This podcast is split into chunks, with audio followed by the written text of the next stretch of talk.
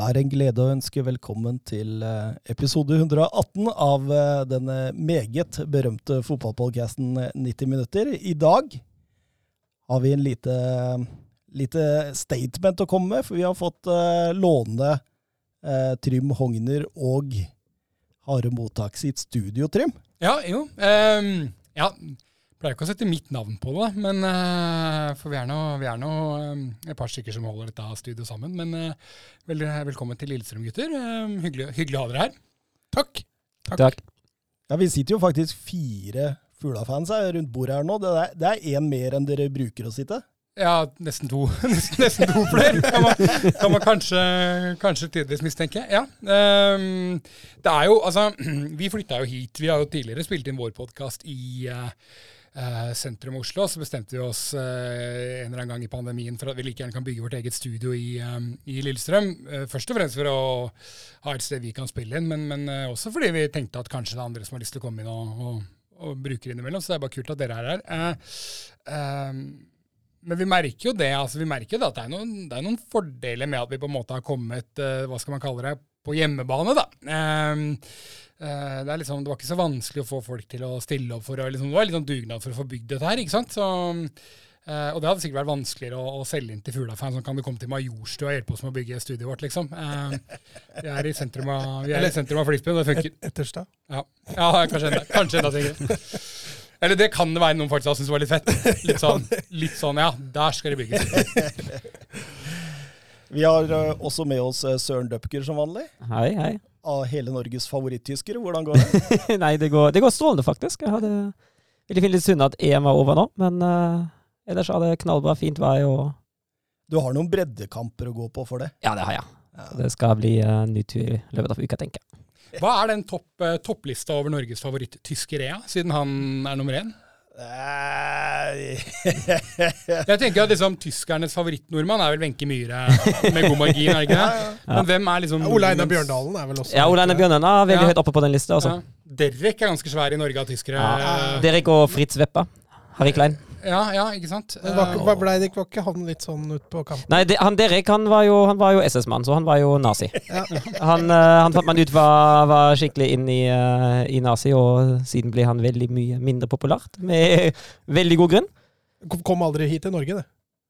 Han er, han er, fortsatt ganske populær i Norge, tror jeg. Ja, men vi var ganske raske på å tilgi her i Norge. Altså, sånn, sånn, egentlig, for hvis du ser sånn uh, Ok, 45, og så var det sånn allerede på 60-tallet så var det sånn tyske TV-serier på liksom sånn, Det var populærkultur i Norge allerede da. Sånn har det f.eks. ikke vært i Jugoslavia. Det er ikke sant, liksom 5, 6, 10, 15 år etterpå. Så er det sånn, nå, nå er liksom Nå hører, eh, nå hører Eller nå ser serberne på, eh, på albansk eller kroatisk Ja, er liksom nord, Nordmenn var raske der på, på Tilje. Mm. Uh, Regner med at Ove Røsle er ganske høyt på den lista òg? Ja, men han er jo sikkert Ja, i hvert fall sånn Molde, Stavanger og Lillestrøm, hvor han har gjort en, en, uh, en bra jobb. Altså I, i, i, i Fuglabyen så er det jo mange tyskere. altså Heinz Müller og Claes Reitmeier. Og vi har jo hatt noen tyskere vi har likt uh, veldig godt. Mye på, mye på keepersida? Ja. Klaus Reitmeier liker jeg også veldig godt. Han er jo gammel Wolfsburg-keeper. Ja, stemmer. Det er jo en andre, ja, både, både Klaus Reitmeier og Siad Ramovic har spilt keeper i både Wolfsburg og Lillestrøm. Men, men Reitmeier er vel legende i Wolfsburg? er det Ja, han var jo den, uh, altså den andre keeperen, uh, faste keeperen som spilte i Bundesliga for klubben. Han spilte jo en god, god stund. Så det var en sånn, uh, sånn stykk kutt han fikk, uh, fikk, i en hjemmekamp mot Bochum, tror jeg det var, som da tvang ham til å måtte gi seg på, på klubben. Da, i klubben. Men hvilken tidligere, hvilken tidligere LSK-keeper hadde også en bakgrunn i Bayern München? Mm, mm. Er det ikke sant? Dere ofte pleier å uh, En tidligere keeper? Mm. er ti spørsmål der. Ti spørsmål. ja, var han tysk, eller? Nei. Bayern München. For da hadde det nesten bare vært liksom Ja, ja, Ramovic er jo ja. bosnisk-tysk, egentlig. da. Så, så, men, men må, vi, må, vi, langt, vi må ikke så langt tilbake i tid? Ikke sånn kjempelangt. Uh, men alt er relativt. da, for jeg, jeg synes sånn, Ti år siden for meg er sånn to år siden, egentlig. Sånn fordi jeg har blitt i har hatt litt av 30-åra. Sånn, liksom. Ja, for vi, altså, 90-tallet Kan vi begynne med Kilstedt og Baron? Da må vi dit, liksom? Nei, Baron var jo bare Norge og Sør-Afrika. Ja, ja. Var det, men var det tidligere eller, før, eller etter det? Nei, etter det. etter det, Noen år etter det. Og såpass, ja. Mm. Såpass. Nå, nå, nå arresterer du meg skikkelig her, altså. Nei, det er litt før min tid, altså. Var han norsk? Nei. Hvilken, Si nasjonaliteten. Island. Og ja, eh, han, eh, han som eh, Logi Mjel, Magnusson. Mjelde mobba på, lobba på. Han, eh, Magnusson. han hadde en ungdomskarriere i Bayern München.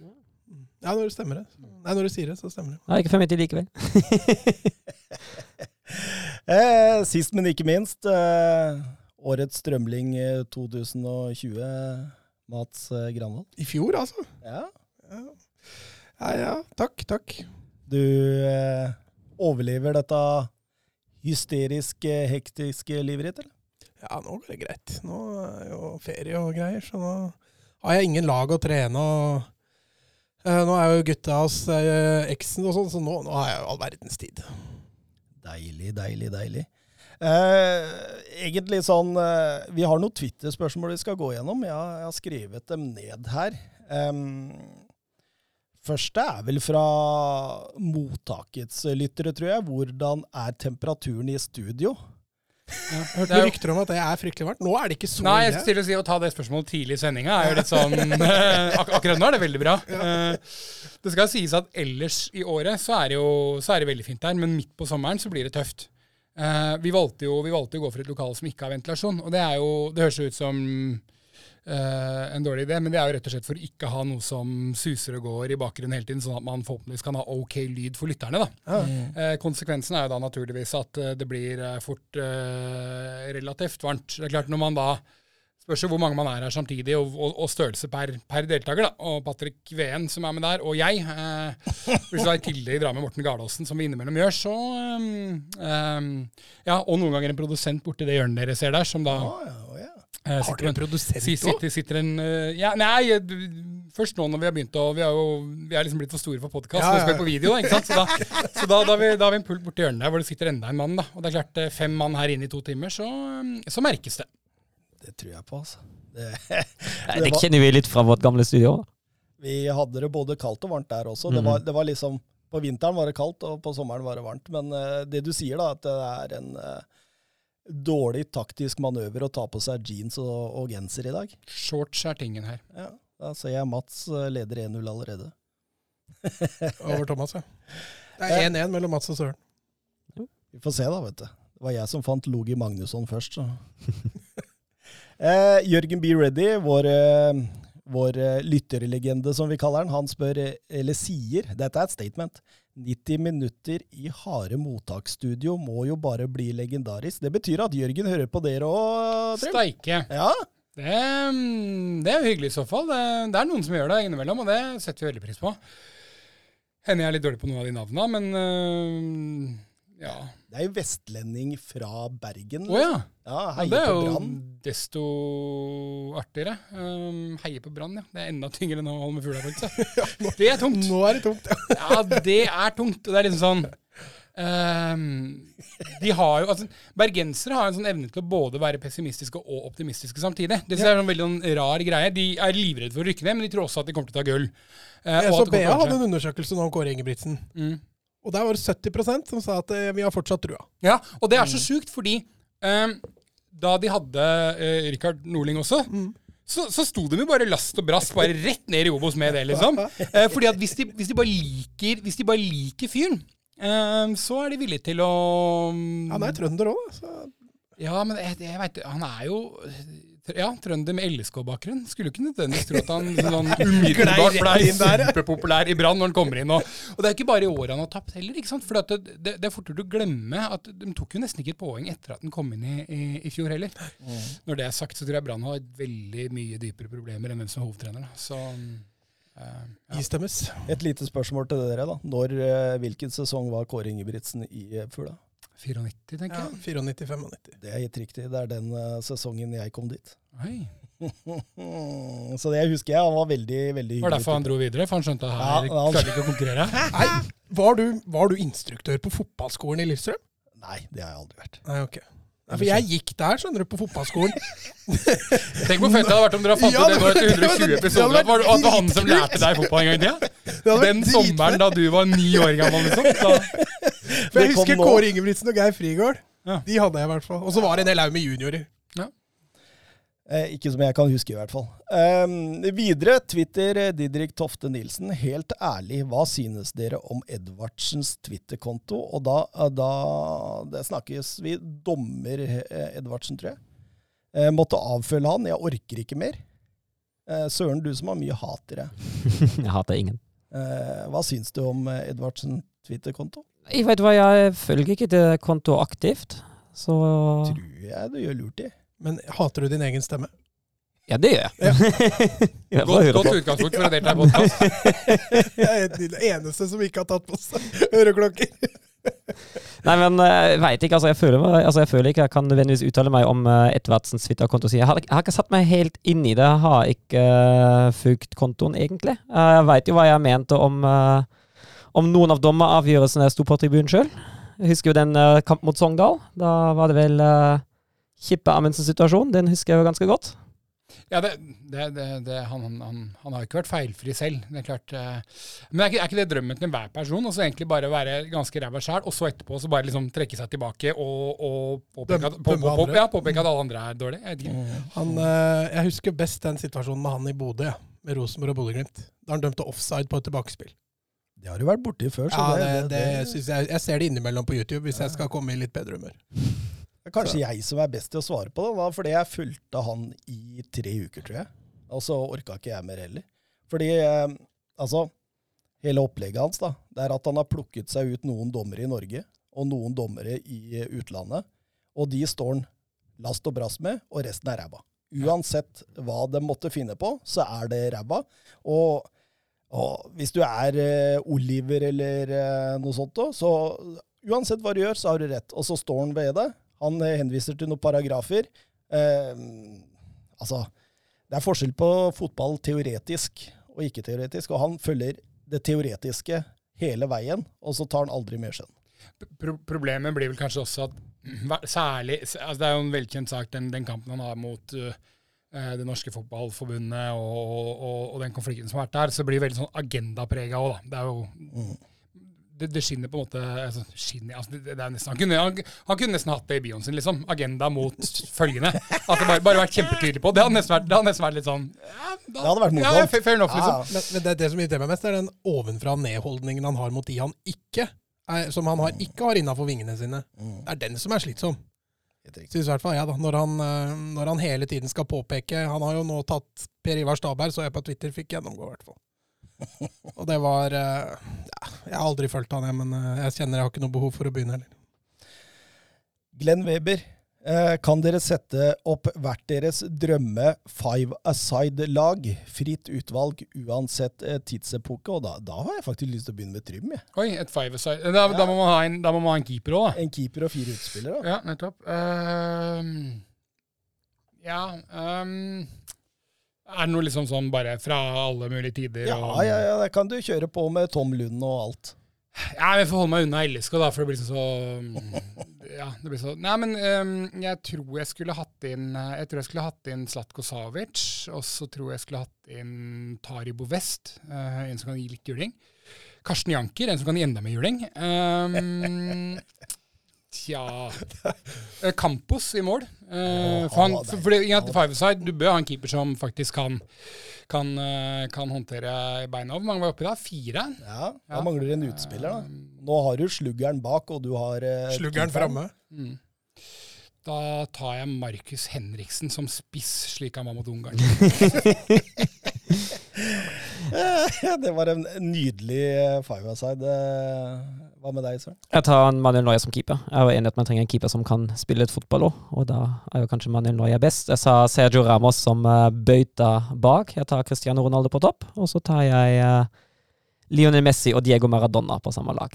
Det var dyrere lag enn det du hadde, eh, Trym. Ja, men jeg syns fortsatt at, at begge, altså, det er jo én kandidat som jeg syns begge liksom burde hatt, som jeg er spent på om dere nå tar med. Mm. For det er et fasitsvar på en du ja, så jeg tenker jo at jeg setter opp et lag jeg, som, ikke, som bare skal ha ball. Som aldri mister den, på en måte. da. Eh, for jeg tar ikke med noen forsvarsspillere. Sånn Barcelona 2012? Ja, ja bare Tiki Taka. Eh, liksom. Og Neuer må jo selvfølgelig mål. Og så Zinedine Zidane og, og, Ronaldinho må jo selvfølgelig med. Messi kan man aldri utenom. Og siste der, jeg tror jeg tar fenomenet, altså. Du gjør det, ja? Jeg tenkte et lag jeg, med, med Schumacher i mål, med Vieira, Keane, Ruddock og eh, Winnie Jones. Det blir seigt å spille med deg. Jeg føler jo at um, Det blir seigt. ja.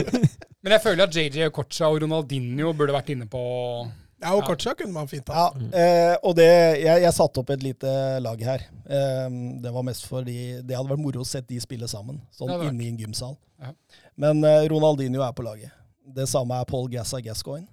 Eh, David Ginola. Og så må man ha Ledley King baki der.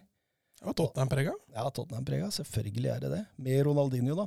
Men så må jeg ha en keeper som er eh, god med beina, og da kommer jeg ikke på noe annet enn eh, Ederson i, eh, i City. Han eh, kunne jo dunka dem inn fra eget eh, Håper han var fornøyd med det. Eh, siste spørsmål her. Vi har ett til, da. Ja, men vi har ett til. Ja, da har vi to til, altså. Ja, vi har to til. Fanken og Myhre kom denne gangen, da. um, Oskar Carveio Holm. Eh, Dere hater åpenbart ingen. Det, er, det var et sterkt navn. Ja, Det eh, høres nesten ut som broren til Odin Tiago Holm. Altså sånn, Du mikser portugisisk eller brasiliansk litt med, med Holm. ja. Samme far, men to forskjellige mødre, kanskje. Ja. Far er bare superglad i portugisiske damer. Men, men, men det som er greia, det, det, vi har vel eh, hatt en 20-30 episoder hvordan vi sier Carvello, Carveio. Så vi har, vi har drevet på sånn, altså vi fikk fasiten av til slutt, og det var eh, Carveio. Ok, Hadde dere truffet Eh, Mats eh, har vel retta på meg en ti-tolv ganger, tror jeg. Eh, men han eh, Åpenbart kjenner han ikke Søren, da, som er full av hat, men eh, han spør spør i hvert fall. eh, dere hater åpenbart ingen, men hva irriterer panelet seg mest over? Og det, der tenker jeg også vi kan begynne med deg, eh, Trym. i fotball, eller? eh? Jeg tror det er sånn generelt sett, altså. Ja, Generelt sett så er det jo mennesker, da. Ja, folk. Ja. Ja, Det har jeg på lista mi òg. Eh, folk i kollektivtrafikk. Oh. Eh, Hva, eh, hva mener du kollektivtrafikk? Altså på buss, trikk, Folk på buss, eller Ja. bussjåfører? Nei, nei, nei, buss, nei bussjåføren gjør det så godt de kan. Ikke alltid at det er så bra, men det er sånn. Ja. Hvis du går inn på bussen og allerede hater bussjåføren, da tenker jeg da Da, sånn- da går det med skue på Mardu, Du liksom, du kommer garantert ikke til å få meg fram i køen. Liksom. Jeg ser det på deg, liksom, du kommer til å bomme på ruta. Jeg kommer ikke til å finne, finne hjem i kveld, for deg har jeg ikke noe tillit til. Nei, jeg, jeg tenker jo sånn folk som skal gå på før folk får lov til å gå av, altså den type ting. Og der syns jeg liksom jeg har, jo, jeg har vært ganske glad i å reise. Eh, siste halvannet år ikke så mye, eh, av ulike årsaker. Eh, eh, men jeg syns nordmenn egentlig er relativt OK på køkultur, men totalt liksom ubrukelige i kollektivtrafikk. Bare helt, helt ubrukelige. Ser du det kommer inn ei gravid dame eller en gammel gubbe med stokk, liksom, så ser du liksom folk ikke reiser seg og sånne ting. Jeg bare jeg hater det, altså. Søren nikker, han hadde reist seg, det er jeg helt sikker på. Ja. Uh, Søren har guide til hvordan du gjør det, tror jeg. Ja. Jo, men hvis jeg, altså hvis jeg på en måte uh, Altså hvis jeg hadde fått lov til å Mitt politiske parti hadde vunnet frem, da. Så hadde vi hatt et sånn kollektivtrafikk eh, Securitate-aktig greie som bare fløy rundt i gatene og banka opp folk som ikke Jo, jo.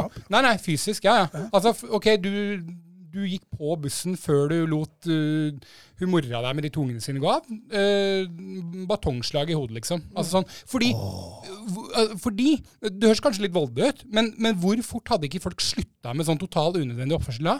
Altså, for det, jeg, jeg, jeg kan forstå det, altså, det er ikke bra å ta livet av noen eller stjele noe, men jeg kan skjønne at det kan skje ting i livet ditt som gjør at du på et eller annet tidspunkt gjør det. Skjønner du hva jeg mener? Du er desperat nok, det er liksom et eller annet, du har blitt pusha nok, hva det måtte være. Men jeg kan aldri noensinne forstå at du presser deg inn på trikken før folk har fått lov til å gå av. Ikke sant? Så det er sånn, det, det er liksom sånn, det, det er sånn unødvendig idioti, da. Uh, så det syns jeg Det irriterer politiske partiet deres kaster ikke bort tida på bøter og sånn. Nei. Nei. Deler ut for da blir det administrasjonskostnader. Jeg skal kutte, kutte det og alt, alt offentlig forbruk. Ja, deler heller ut batonger. Ja. Ja. Kan være mer effektivt, det. altså. Mm. Men så kunne det for all del kunne vært sånne dager hvor de kanskje ikke hadde med batongene, men f.eks. ga ut liksom konfekt til de som helt åpenbart var veldig flinke. liksom. og vi så at du liksom trakk deg litt til siden, eller bra. Her er liksom et gavekort på Espressa hos Tase. så, 80 kroner, da får du eh, får du en halv cappuccino der, liksom. Ja. Søren belønning er viktig òg. sluppet å kjøpe kaffe resten av livet, faktisk. det veit jeg ikke, men eh, jeg prøver i hvert fall å være flink. Sørens guide til hvordan du skal løse livet A4 100 det er, det, er, det er ikke til å ta feil av, Søren. Ja, jeg veit ikke. Søren er en sånn som eh, før eh, toget kommer, så stiller han seg god tid i forveien og er klar med kofferten sin. Ja. Og står og venter ved døra. Og så akkurat, Han har tima det sånn at eh, døra går litt forbi, sånn at han har tid til å slippe folk forbi. Strålende. Men det, er- det er sånne folk vi trenger. Ja. Ja, Tysk jeg husker altså, hvis den pandemien her liksom konsekvens, konsekvent hadde gått etter de folka som prøver å gå på kollektivtrafikken for, før folk hadde fått lov til å gå av, så hadde jeg vært verdens største koronafan, liksom. Da hadde jeg bare Bra! Uh, men så selektiv da, da, da, da, da skal du ha klart å, da skal du ha klart å dra fram en ganske sånn, ganske sånn selektiv og pre presis pandemi, da. Jeg husker jeg tok toget med Søren. Jeg skvatt litt når det reiste seg. Hvor tidlig han reiste seg opp der og sto klar. Ja, det er tysk. Ja, men folk som reiser seg altså det er ikke bare, altså, Fly er ikke kollektivtrafikk. Folk som reiser seg altfor tidlig på flyet, f.eks. Er ikke det også verdens mest irriterende folk? Jo, Idet setebeltet går av, liksom, Ja. så skal folk opp. Ja. Ja, Som er liksom bakerst og veit at ja. Men du Du må forte seg ut for å komme før restene. ja. Og det verste er at innimellom så har du kanskje noen som har et såkalt connecting flight, da, som kanskje har det behovet. Da Og da skulle alle bare sitte, så hvis en da bare sa litt høflig og hyggelig at vet du beklager, liksom, jeg skal videre til Bodø, da, for jeg er så uheldig at jeg bor der, liksom. Uh, ja, men greit, da slipper vi frem han, da. Mm, mm. Du Søren, klarer du å toppe dette, eller? Nei, jeg veit ikke. Jeg har ikke tenkt så mye på hva jeg egentlig irriterer meg over. Men altså, det, jeg syns jo det var en sterk kandidat, eh, med tanke på folk i, eh, folk i kollektivtrafikken som går på før man slipper av andre. Det er jo Men du som lever såpass A4, du må jo irritere deg over de som ikke bryr seg så mye. da. Nei, det kommer litt an på. Altså, nei, jeg har egentlig ikke noe Ja, men Søren, Irriterer du deg aldri over meg og Thomas? Sånn, Nei, faktisk ikke. Ikke? Nei, Ikke i det hele tatt? Hvorfor skal jeg irritere meg over det? du var fullt av hat. Nei, nei, nei. nei, nei. Altså det, det har irritert meg mest over de, den siste uka, jeg kommer jo sikkert til å kanskje nevne igjen på podkasten, var kanskje oppførselen til, eh, til folk på og utenfor stadion på Wembley. Det var kanskje det som irriterte meg mest, i hvert fall i uka som har vært, for det syns jeg ikke noe om. Jeg syns det som har skjedd der, både buing av nasjonalsang, laserpointer, banke opp uh, helt tilfeldige folk, kalle tolv år gamle tyske jenter for nazi-bitch, prøve å stå med stadion. Altså, herregud, skjerpings, altså. Det er lov å irritere seg over det. Jeg irriterer meg over, også over de som tar av seg medaljen du akkurat har fått liksom, fordi du føler at du fortjente bedre enn en sølvmedalje. Nei, du gjorde ikke det. Du fikk en sølvmedalje fordi det var det du fortjente. Behold den. du, liksom. Det er bedre enn de aller fleste her i verden. Men det var ikke bra nok i dag. Hold den på, liksom. Ass. Men jeg er enig i at kanskje enda verre å kalle tolvåringer for Ja, den, altså, den, var- den var, det var en eh, tolv år gammel tysk jente som satt og gråt fordi hun hadde røyket ut mot eh, England i åttendedelsfinalen, og så kom noen engelske på det kallet for nazi-bitch. Det gikk, eh, gikk litt gjennom i tyske medier. Det det er ganske sykt, altså. Mm. Sammen med han danske familiefaren som blir banka opp og veit du hva. Usmakelig, rett og slett. Tungt, tungt. Du og Mats, du må irritere deg. Ja, jeg, men, altså, det er så vanskelig å ta sånt på sparket, da, men uh, jeg kjører jo mye bil av jobben. Så folk som ligger i venstrefila på motorveien, Mm. uh, og kjører gjerne da litt under fartsgrensa, det kan irritere meg fryktelig. Uh, folk som prater i telefonen når de mm. kjører bil, det irriterer meg fryktelig. Eh, og så litt sånn småting da, når de glemmer å slå av blinklyset sitt og sånn, og ligger i venstrefila og skal ut til høyre, eller ligger i venstre, høyrefila og skal ut til venstre. manglende blinklys. irriterende. Ja. Men apropos folk som snakker i telefonen. Folk som prater i telefonen sånn her på kollektivtrafikka med høyttaleren på. Åh.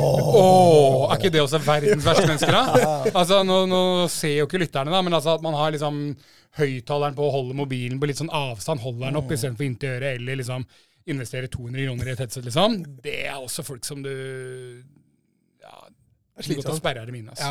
Ja, Ja, ta og Invester litt i den og den, du. Det går fint. Storm der, vet du. Ah, slitsomt. Mm. slitsomt. Men det er stort sett trafikkrelatert hos deg, altså. Nei, hadde jeg fått litt, eh, hadde jeg tenkt meg om litt, så hadde jeg sikkert funnet flere ting. Ja, jeg, jeg er jo litt som Trym, at jeg irriterer meg veldig mye om folk.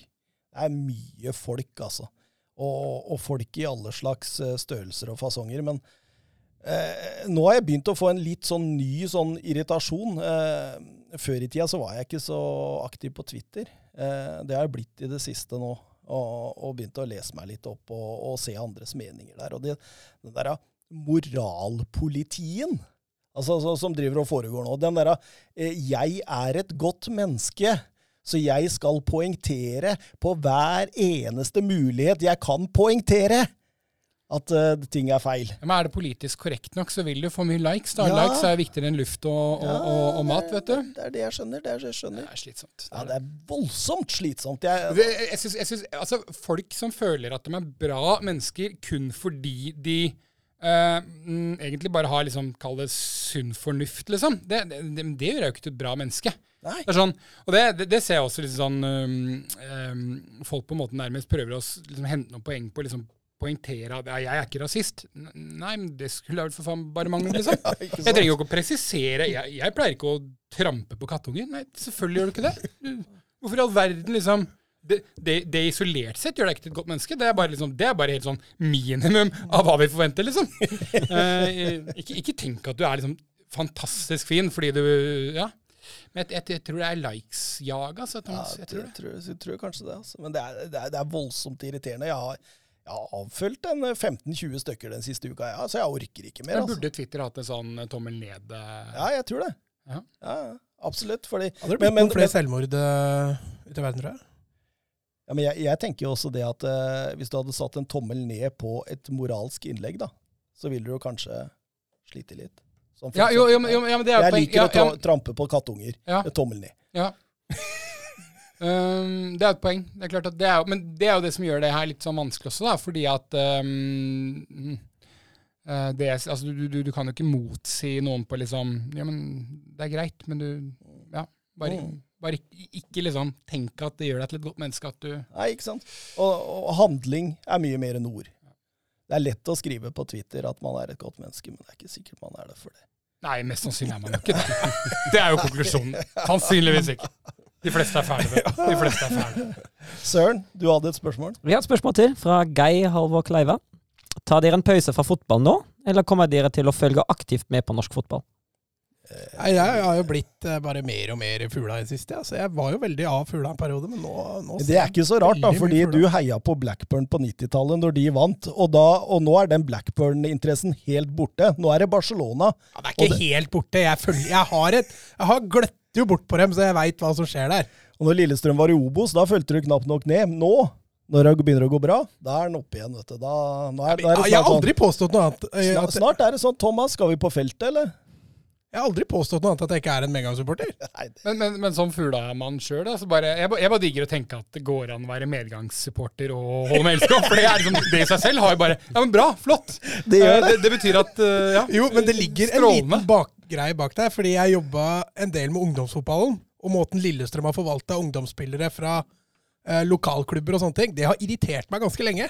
Og da har interessen fada liksom lite grann.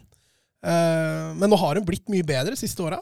Eh, samtidig som de gjør det bedre sportslig, selvfølgelig. Det har jo en sammenheng.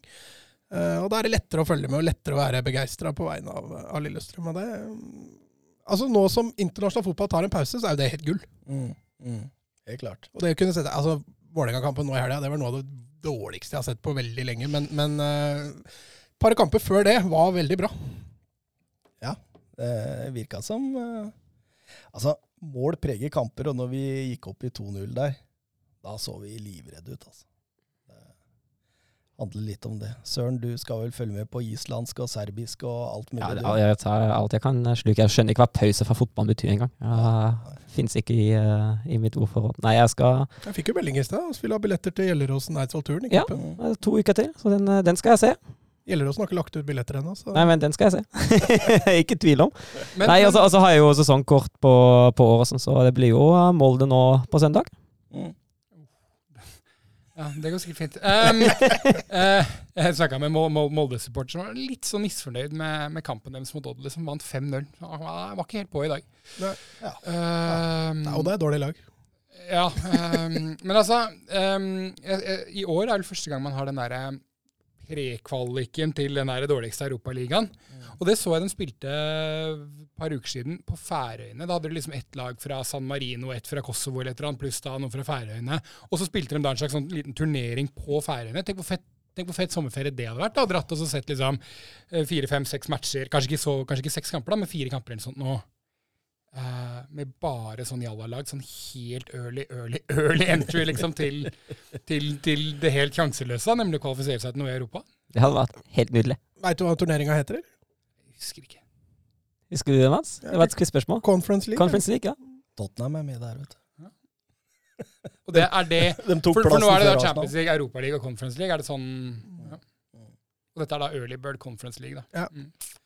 Der er det mye store spillere. Skal vi begynne å nærme oss det vi egentlig skal prate om? Ja. Mm. Da, da gjør vi det. Messi. Surging forward with real menace here. Brilliant from Messi. Oh, what a goal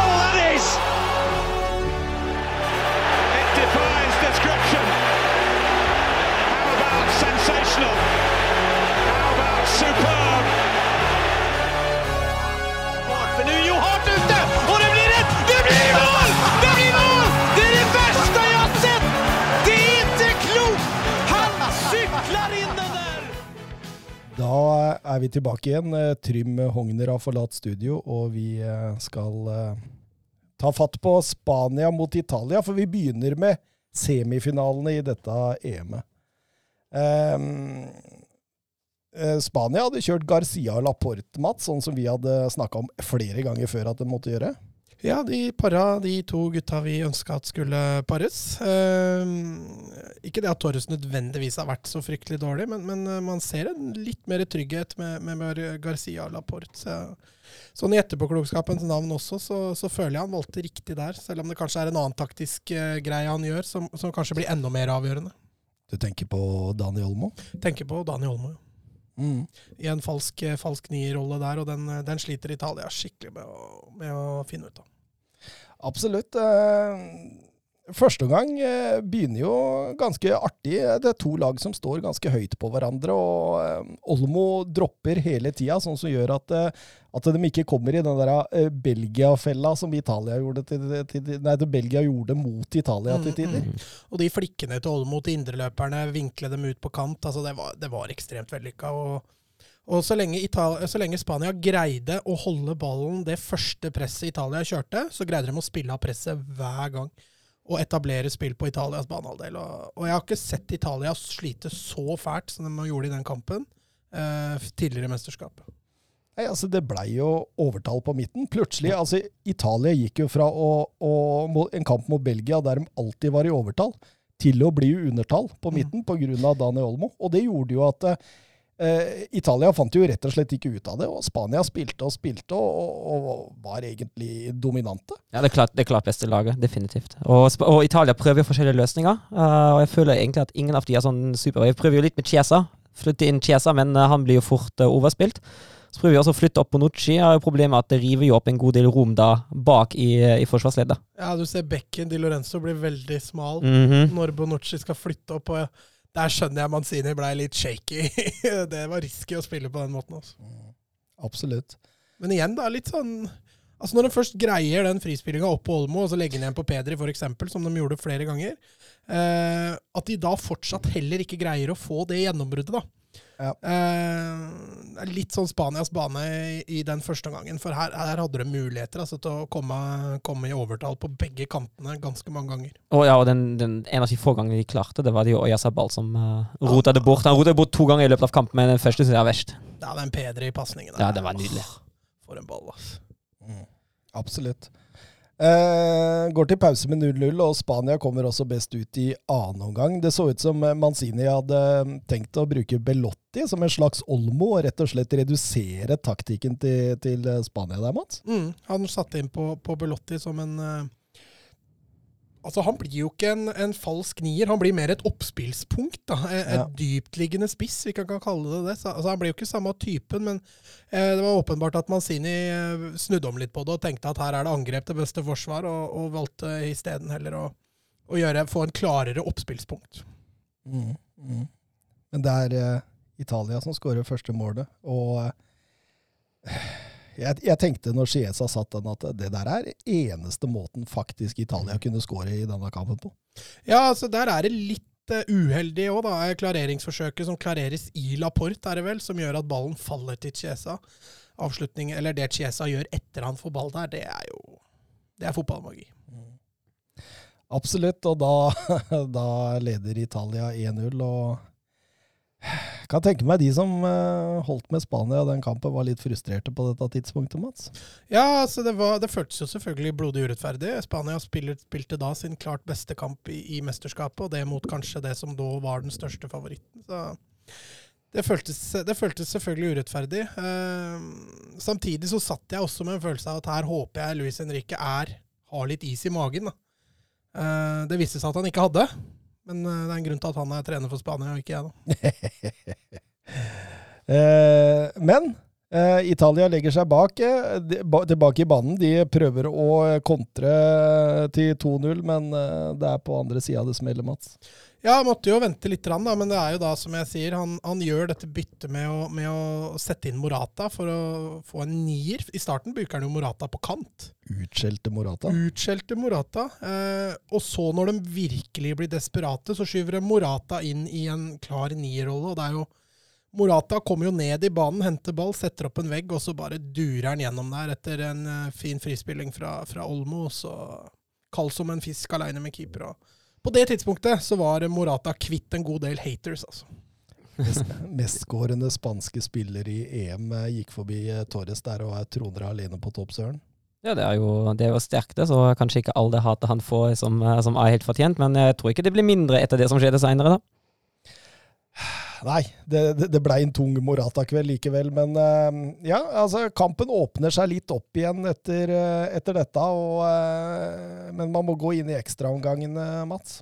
Ja, man må jo ta fatt på de ekstraomgangene. altså, Italia her er ganske åpenbart fornøyd med med straffesparkkonkurranse. Det virker ganske tydelig sånn fra starten av. Spania orker mindre og mindre, og det blir ganske tidlig klart at det blir straffespark. Mm. Akkurat på det tidspunktet så følte jeg liksom Jeg klarte ikke å føle noe positivt eller negativt rundt det, for jeg visste at dette var to lag som har gjort det bra i straffesparkkonkurranser de siste åra.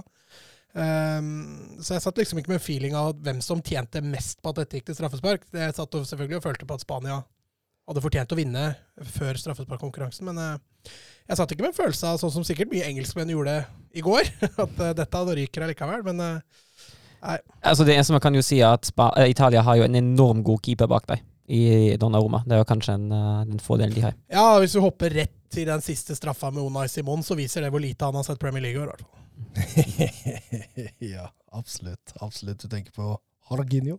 Ja, hoppestraffa. Mm. Eh, Donnarumma har sett litt mer, litt mer Premier League enn det Unai Simon har gjort, for eh, der blir han lurt ned i knestående. Absolutt, og da kan Italia eh, feire med finale. Det er eh, første gang Spania ryker i en semifinale i et VM eller EM. Alle siste fem har gått til finale. Når vi tar med at de har vunnet fire av de fem siste straffesparkkonkurransene i EM, er jo ikke dette annet enn litt sånn historisk overraskende, Mats? Ja da, det er jeg for så vidt enig i det. Jeg sa jo det i stad, at eh, begge lag har jo gode erfaringer fra, fra straffesparkkonkurranser de siste åra. Italia ble vel verdensmester i 06 etter straffespark. Og, så, så, det var to gode straffesparknasjoner som møttes der. og Morata ble jo på en måte en syndebukk som bomma på sin, og, og, jeg velger også å gi litt til Luna Simone, jeg som faktisk går på den hoppestraffa til Jorginho. At uh, han ikke så den komme, det er jo helt utrolig. På Twitter, jeg velger å ta dette spørsmålet nå, det er fra Petter Støvland. Hva er det med Celini som gjør at alt han gjør, hylles? Situasjonen med Alba og drøyedrainga av Saka. Da er han i finalen. Eh, hva eh, hvis f.eks. Ramos hadde gjort lignende? Eh, Søren? Ja, det hadde jo vært helveteløst. Altså, da hadde jo folk vært i harnisk over hvor skittent eh, Sergio Ramos er som fotballspiller, og generelt. Og alt hadde vært falt og ekkelt og ugreit og mm. ja, jeg, jeg veit ikke. Jeg, jeg, er enig. Jeg syns det er litt sånn dobbeltstandard. Jeg syns det. Jeg kan ikke forklare det helt. Kanskje er det fordi man unner Chiellini noe suksess. Jeg veit ikke hva det er, men jeg, jeg er veldig enig, altså. Kan du hjelpe Søren, Mats?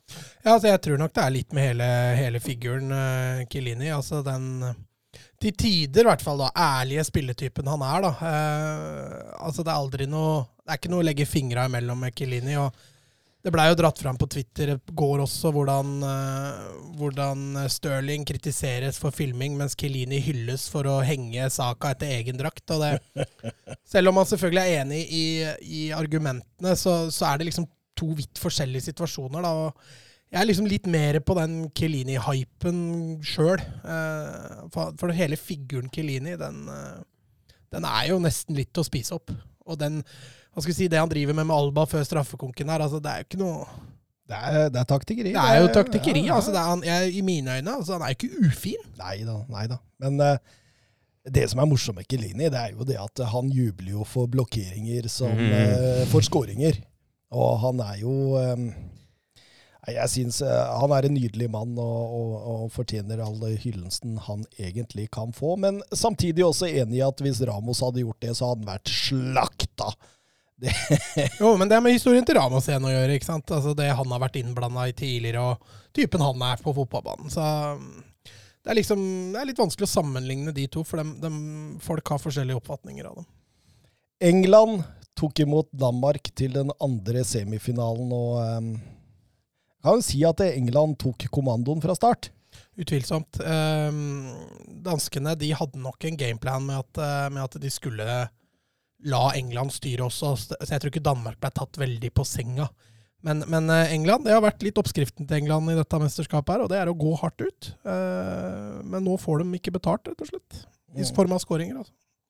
Og du ser etter rundt 20 minutter der, så begynner eh, Høibjerg og Delaney å lese eh, lese, hva kan du kalle det, landskapet i kampen, og begynner å, å kunne få litt mer kontroll på midtbanen. Og da ser du eh, England er litt rådvill en periode der, eh, godt ut i første omgang, altså. Ja, hvis, Jeg stilte jo spørsmål om, om Danmark tør å stille med en trebekslinje mot England. Jeg synes de, eh, de får det jo til bra, men det er også fordi England tidlig slutter å angripe bredt. Mm.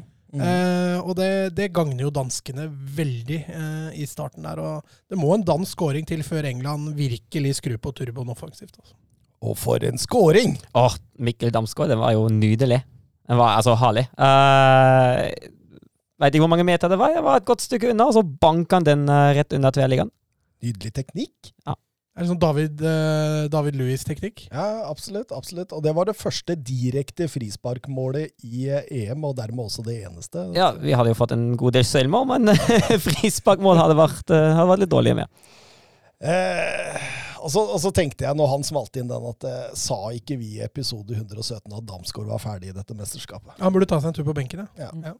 Han fikk jo han fikk, han fikk en liten dupp, eh, jeg er enig, han fikk jo en dupp i utslagsrunden. Han var god i gruppespillet, men utslagsrunden så langt var ikke bra. Men den kampen han spiller mot England, den syns jeg er god, altså. Ja, Det syns jeg nesten blir tatt av for tidlig. Mm. Eh, Danmark mister eh, sin mest kreative, kreative bidragsyter eh, når de tar ut Damsgaard. Men eh, når England trenger det som mest, så har de en kaptein som begynner å ta tak i matchen. Harry Kane begynner å involvere seg både eh, som møtende og som eh, rett og slett en tier, Mats. En playmaker. Ja, du så det i finalen òg. Ja, Mm. Eh, kommer dit, så, så dropper han ned. Og det, det, er jo, det skyldes jo ene og alene fordi man slipper Stirling høyere i banen til å jakte, til å strekke på det danske forsvaret. Og det, Stirling blir Englands uh, Hoeng Min Son.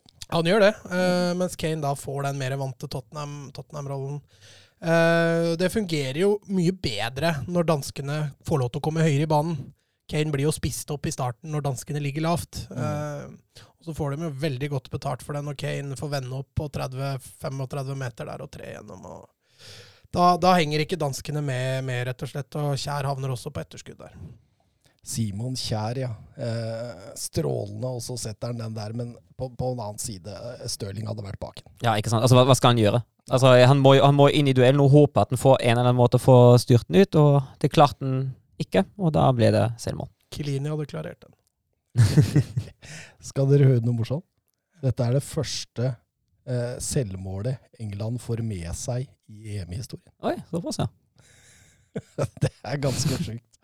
Eh, Men Kane eh, tar ansvar. Han eh, møter han, venner han, skaffer frispark, smarte løp. Han, han er en ene på banen der, går fram som kapteinen og, og leder styrkene framover. Og, det blir et England-kjør mot pause, men det, det, det går inn til 1-1.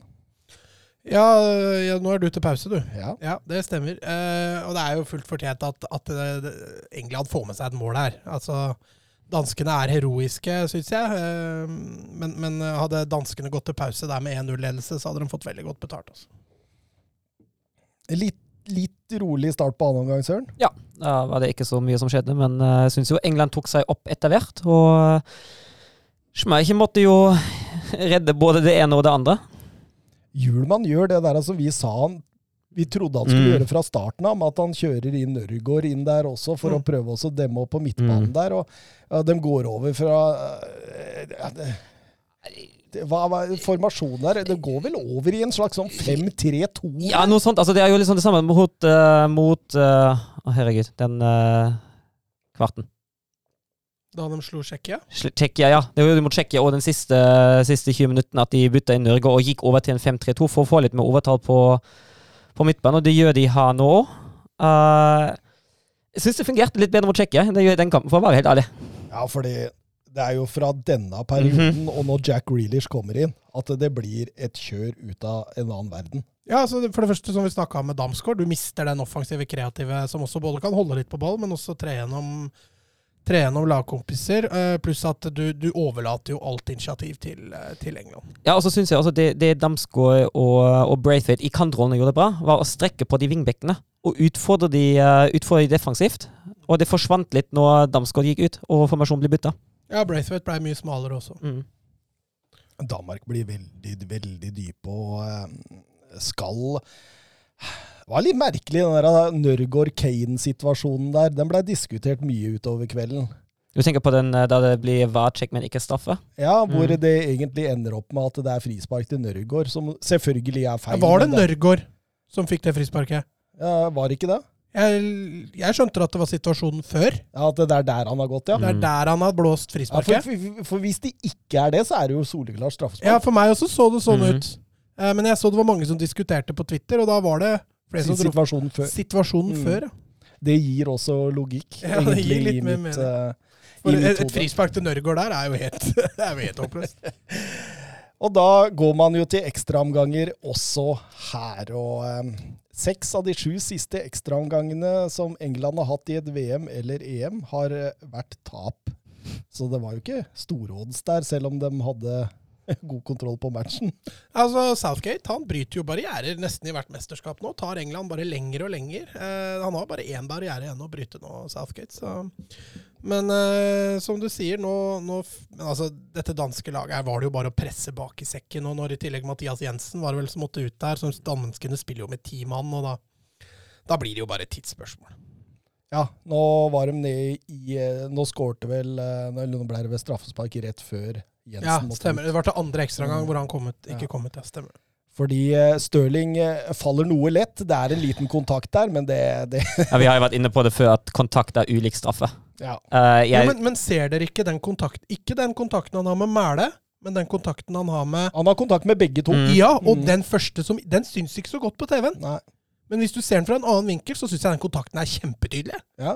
Er, jeg også syns det er straffespark. Jeg, jeg, jeg skjønner argumentene bak de som sier fordi han, han prøver ikke å stå på beina. Nei, også den kontakten han har med Mæle, den er enig, den er lett. Men jeg synes den kontakten Er det Vestegård? Jeg tror det er Vestegård. Den kontakten han har med Vestergaard, den syns jeg er mye tydeligere. Men den syns ikke så godt med den vinkelen du får med Mæle der. jeg, jeg tror kanskje problemet med, med Stirling først og fremst er at han har prøvd de situasjonene tre-fire ganger i den kampen før.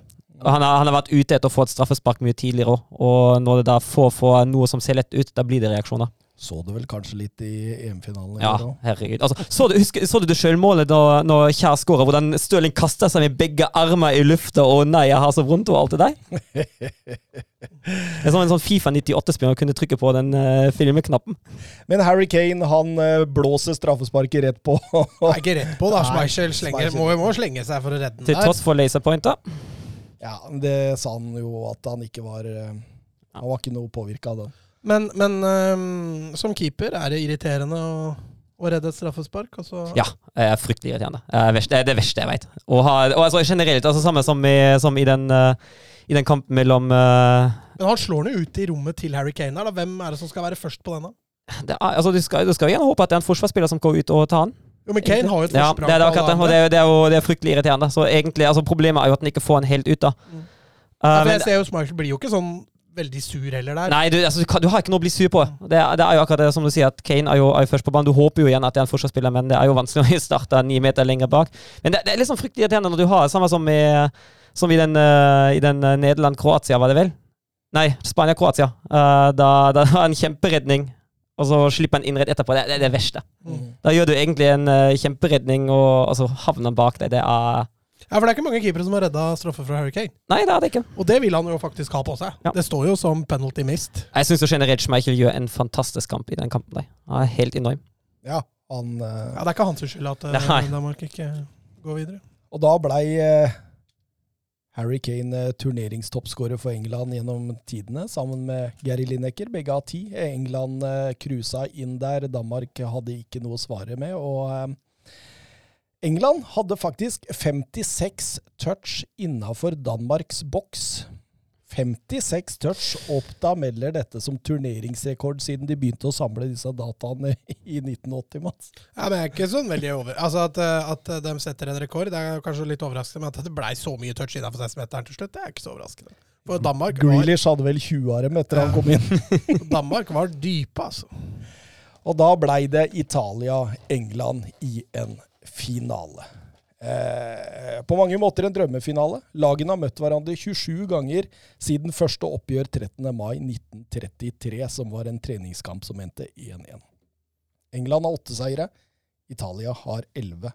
Åtte har blitt uavgjort, så det er historisk forholdsvis jevnt.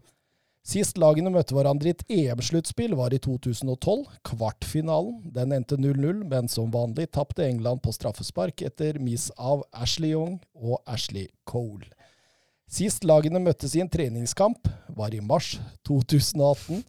Det endte med 1-1 etter mål av Jamie Wardy og Sa jeg Wardy riktig nå? Det gjorde jeg. Eller, nei, Ward... Vardy, Vardy, Jeg sa det feil. Wardy. Og nå sitter han der Geir Halvor Kleiva og forbanner seg hjemme. Stig. Han Stig. sa eh, Og Insigne eh, La vi merke til noe ved lagene. Ja, i England uh, bytter jo formasjon. Går over til en uh, trebekslinje med Maguire, Stones og Walker som stoppere. En 3-4-3. Shaw Trippier tar vingbekkene, og Stirling og Mount spiller da på kantene rundt Kane. Mens, ja. Ja, nei, italienere, de, de ganske egentlig kunne vært De sagt den startstillinga på forhånd, egentlig. Emerson går jo inn for, for Spinazzola, som, som dessverre måtte ut i semien, og, og Chiesa får selvfølgelig fornya tillit på, på kant. Selv om Berardi ikke har hatt noe dårlig mesterskap, så har jo Chiesa bare blitt mm, deiligere og deiligere. Og for en åpning det blei, søren! ja, det blir jo det ble helt enormt. Altså, det blir jo 1 minutt 57 sekunder, var det vel? Tidenes raskeste EM-finalemål. Ja, da var det en, altså det var, og det var jo en, eh, en nydelig Vi kan kalle det for overgang, tenker jeg. En nydelig overgang. Uh, Harley, Harley crosser ut på, ut på høyre mot uh, Trippier, Det er Kane som vrir der. Og Ja. de som stilte spørsmålstegn med wingbackene til England før Ja. kampen, de fikk, uh, fikk seg en D-styver tidlig der. Og Shaw tar jo et fantastisk løp. Di Lorenzo havna rett og slett i en én mot to.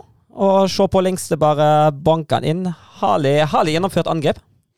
Litt sånn uh, kaos i italienske forsvaret der, hvor Chiellini plutselig Ja. kommer helt fram for å blokkere innlegget der. og da, Det blir jo en følgefeil der som Jeg syns altså Cellini blir litt passiv, altså. Ja. Han, sier, han blir det. Jeg syns Cellini spilte en bra kamp, men akkurat den blir han passiv på, altså. mm, Tidligere oppi der. Ja da, men både Bonucci og, Chiellini... Cellini Chiellini eller Cellini? Ja, det veit jeg ikke. Chiesa og Chiellini. Chiellini. Uh, syns jeg spiller seg mestlig opp. Jeg syns det er litt nervøst, dette Italia-laget, de første kvarter 20 minutta. Men det er de rutinerte bak der, Bonucci og Cellini, som, som spiller seg inn i Spiller Italia inn i den kampen her. For når tryggheten da etter hvert kommer bak der, så blir dette bare mer og mer solid for Italia. Ja, altså fordi England kommer jo godt i gang. De ligger med fine avstander. Dem Kane drypper de, de, de, Han drypper, ikke drypper. han drypper. Han, han kommer dypt og, og eh, fungerer som en tier og sender av gårde pasninger ut på wingbacker og inn i bakrom. Og, og, eh, så, eh, det jeg savner her, da, det er den derre energiske spillestilen Italia har hatt gjennom Mm, mesterskapet. Det den høye presset. Ja, var helt borte. Ja. Altså, det står med sånn halvhøyt press, Ja. uten aggressivitet. Mm. Jeg ble veldig overraska av å se det, for jeg trodde liksom at det her skulle være sånn skikkelig battle med en gang. Og så, og så tar England en tidlig ledelse, og så ser det ut som Italia ikke engang gidder å respondere på det. Og det blir veldig god kontroll hele veien. og det, eh, Du tenkte jo flere ganger i løpet av første omgang at det her må det jo skje noe. Og, men, Men altså, altså det, det, ikke bare det, altså det med ballen, da. Eh, jeg syns det, var- det var ikke noe rytme. Det var, det var fryktelig upresist. Eh, det var dårlig førstetouch, til og med. Altså, de spilte jo på seg brutt på brutt med feilpassing på feilpassing. Og eh, passinga blir slått altfor seint, altfor mange touches på ballen. Altså, det var egentlig stikk motsatt som du sier da, av det vi har sett i hele mesterskapet, egentlig. Hele det gode angrepsspillet med ballen, det gikk, uh, gikk ut døra. Og når Italia spiller sånn, så blir jo Immobile helt ubrukelig. Ja. Ja, Han blir fullstendig ubrukelig. Du ser Kan han- ikke bruke den til noen ting ute på den banen. Du ser han blir frustrert. Jo, Han blir voldsomt frustrert, altså. Uh, Italia ja, altså Det er jo sånn, altså Den engelske Altså energiske stilen, da. Ikke engelske, men energiske stilen til Italia blir borte. Og da blir de redusert fra et voldsomt godt lag til et sånn mediocre lag. Og, og, og da, da altså for, for så meg, da litt ut som Spania-kampen i Mm. Bare at England ikke så possession-orientert. Nei, altså for England var jo mer enn fornøyd med det som hadde skjedd pga. Mm. den tidlige 1-0-ledelsen. Og de tenkte jo det at ok, vil de ikke by på større problemer enn dette, så, så, så kan vi godt spille, vi, og så får vi kontringa til slutt. Mm. Ehm, e- og England er veldig flinke til å stenge av sentralt i banen. altså Rice, særlig Rice, men også Phillips, den jobben de gjør, eh, den, er, den er helt enorm. Og, men det neste problemet er altså, de blir jo ikke utfordra heller. Og ingen av de tjeneste spillerne som stiller seg mellom de to, de to dype midtbanespillerne til, eh, til England, de bare holder den avstanden hele tida uten å måtte forholde seg til noen særlig trussel. Det er ingen som bryter gjennom og prøver å utfordre det rommet. De blir jo egentlig først bedre når man begynner å bytte rett etter pausen. Er eh, Federica Chiesas uh, skudd etter 34 minutter det eneste Italia har i, i første Ja, hvis vi er snille, så, så er det eneste sjansen de har. ja. Ja, du, du kan jo til med den som blir blokkert på overtid. Av Stones der. Ja. Det er vel de to tilnærmingene de hadde da. Men eh, England er ganske bekvemme. Går til eh, pause med 0-1 og føler at eh, livet er verdt å leve. Um, eh, Ute i annen omgang, eh, når annen omgang settes i gang der, så, så, så, så blir det Altså, det bølger litt mer, Mats. Det, det skjer litt mer. Det er åpenbart at Manzini prøver å få litt fart på det. Prøver å få litt fart på kula, og da blir det Ja, Han bytta vel inn Berardi der og, og ofra spissen sin, og det, det er jo like greit, for Immobile ble, kunne, kunne han jo ikke bruke til noen ting, sånn som den kampen var. og Barella gikk ut òg. Ja, tidlig, Kristante, men det viste seg å bli et bra bytte, syns jeg. Cristante eh, gjorde seg ikke bort. Eh, men, men Italia får litt mer kontroll eh, på ballen på Englands banehalvdel, og det, det gjør at italienere kan bygge opp angrepene sånn de vil, da, eh, med, de høye høye bekka sine. Eh, så det er klart det mangler jo den nieren da, da, når de endelig har fått kontroll på kampen, og det er da Belotti også etter hvert eh, kommer inn for å få enda mer tyngde i boksen. Men, men jeg syns Italia fremstår langt bedre i andre omgang. Og så kan man jo diskutere da, om dette var noe England England litt ufrivillig gjorde, å bli såpass dype. Ja, for på Twitter så sier Jonathan Hobber til oss eh, Blei England litt for feige utover i matchen, eh, kan den tidligere, eh, tidlige 1-0-ledelsen være en god gammeldags blessing in disguise For Italia. Ja, for England. da. Så det blei en Å ja, sånn, ja. En, en velsignelse i skjul, ja. Ja, kanskje. Eh, at, eh, at eh, pausepraten ble påvirket av at England leda 1-0, det var nok utvilsomt. Eh, England følte nok på dette tidspunktet at nå har vi noe å forsvare. Og eh, det er ikke så ofte England er i den situasjonen her. Det har vel ikke skjedd siden 1966 at de, uh, har noe å stå og forsvare. at de har noe faktisk å forsvare. Og mens, mens jeg syns italienere, litt sånn som Spania, når de havna under, syns jeg håndterer det veldig bra. Så det er ikke noe panikk. Det er ikke noe Det er ikke noe eh, Altså, de, de stresser ikke veldig, da. Det er ikke de lange polera. Selv om det riktignok er en dødball som må til før Italia scorer, så så syns jeg liksom det var noe roisk heroisk over det på, på Italia. Men det er bare Chiesa som er en trussel framover der en god. Utvilsomt. Eh, og, men han er en stor trussel. Mm. Men- så fort han får rettvendt seg, så er eh, England i trøbbel. Altså. Men det trekker med å sette Chiesa på venstre etter at, eh, etter at Berardi kom inn. Det var jo gull. Det samme som å sette Insigne på topp. Altså, du, du, får, du, du forsvinner Du får ikke den, eh, den nye trusselen som Mats har vært inne på. Jeg syns Insigne er bedre i å true rommet bak, bak Rice og Phillips, og de får litt mer å forholde seg til. Eh, samt at den engelske veien til mål den blir jo fryktelig lang. Eh, så overganger er jo egentlig helt fraværende, og Italia vinner jo igjen alt høyt oppe i banen. Ja, for de ligger jo i en eh, Altså, det er, det er nærmest en 5-4-1. Altså. Ja, og med, med Kane, med Kane i egen tredjedel nest til tida, altså. Mm. Mm. Men forsvarer seg med alt de har. Og Og det kunne jo ikke gå, eh, som Mats er inne på. Eh, Bonucci setter eh, Ja, og det var jo da italienere har vunnet tre eh, dueller på rad. Igjen, Chiellini, måten han kriger der Han vinner jo strengt tatt ikke ballen, men, men hvem er engelskmannen han står og kriger med? Stones. Stones, ja. Får ikke klarert. Og det er kanskje det viktigste der. Og så Verratti da, på bakerste, som ofrer livet og lemmer der for å få hedda av gårde. og Pickford redder jo først i stanga, men Bonucci han leser den returen og er der. Så. Leser han litt kjappere enn Kane, ellers så Mm. kunne Kane ha vært der, altså. Mm. Eh, da er det 1-1, og, Bonucci er eh, tidenes eh, eldste EM-finalistmålskårer med sine 34 år og 71 dager.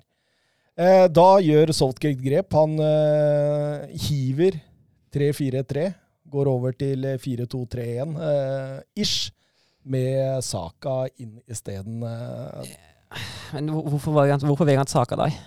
Hvorfor velger han Saka der? Det lurer jeg på. Har du et svar, Mats? Nei, jeg, jeg, jeg har et svar, skjønner du. Hvorfor han gjør det. Nei, altså, altså jeg tror det har mest med hurtigheten å gjøre. eh, at, han, at han ønsker framoverretta spillere der. Men det er litt sånn som Søren sier det. altså Grealish er jo best på venstre. eh, Sancho er best på kant. Rashford er best på kant. Altså Han har ikke så mange klare tieralternativer heller. da. Nei, Og så har han ikke Altså, Stirling er god å gå på gjennombrudd uten ball. Det er Saka også.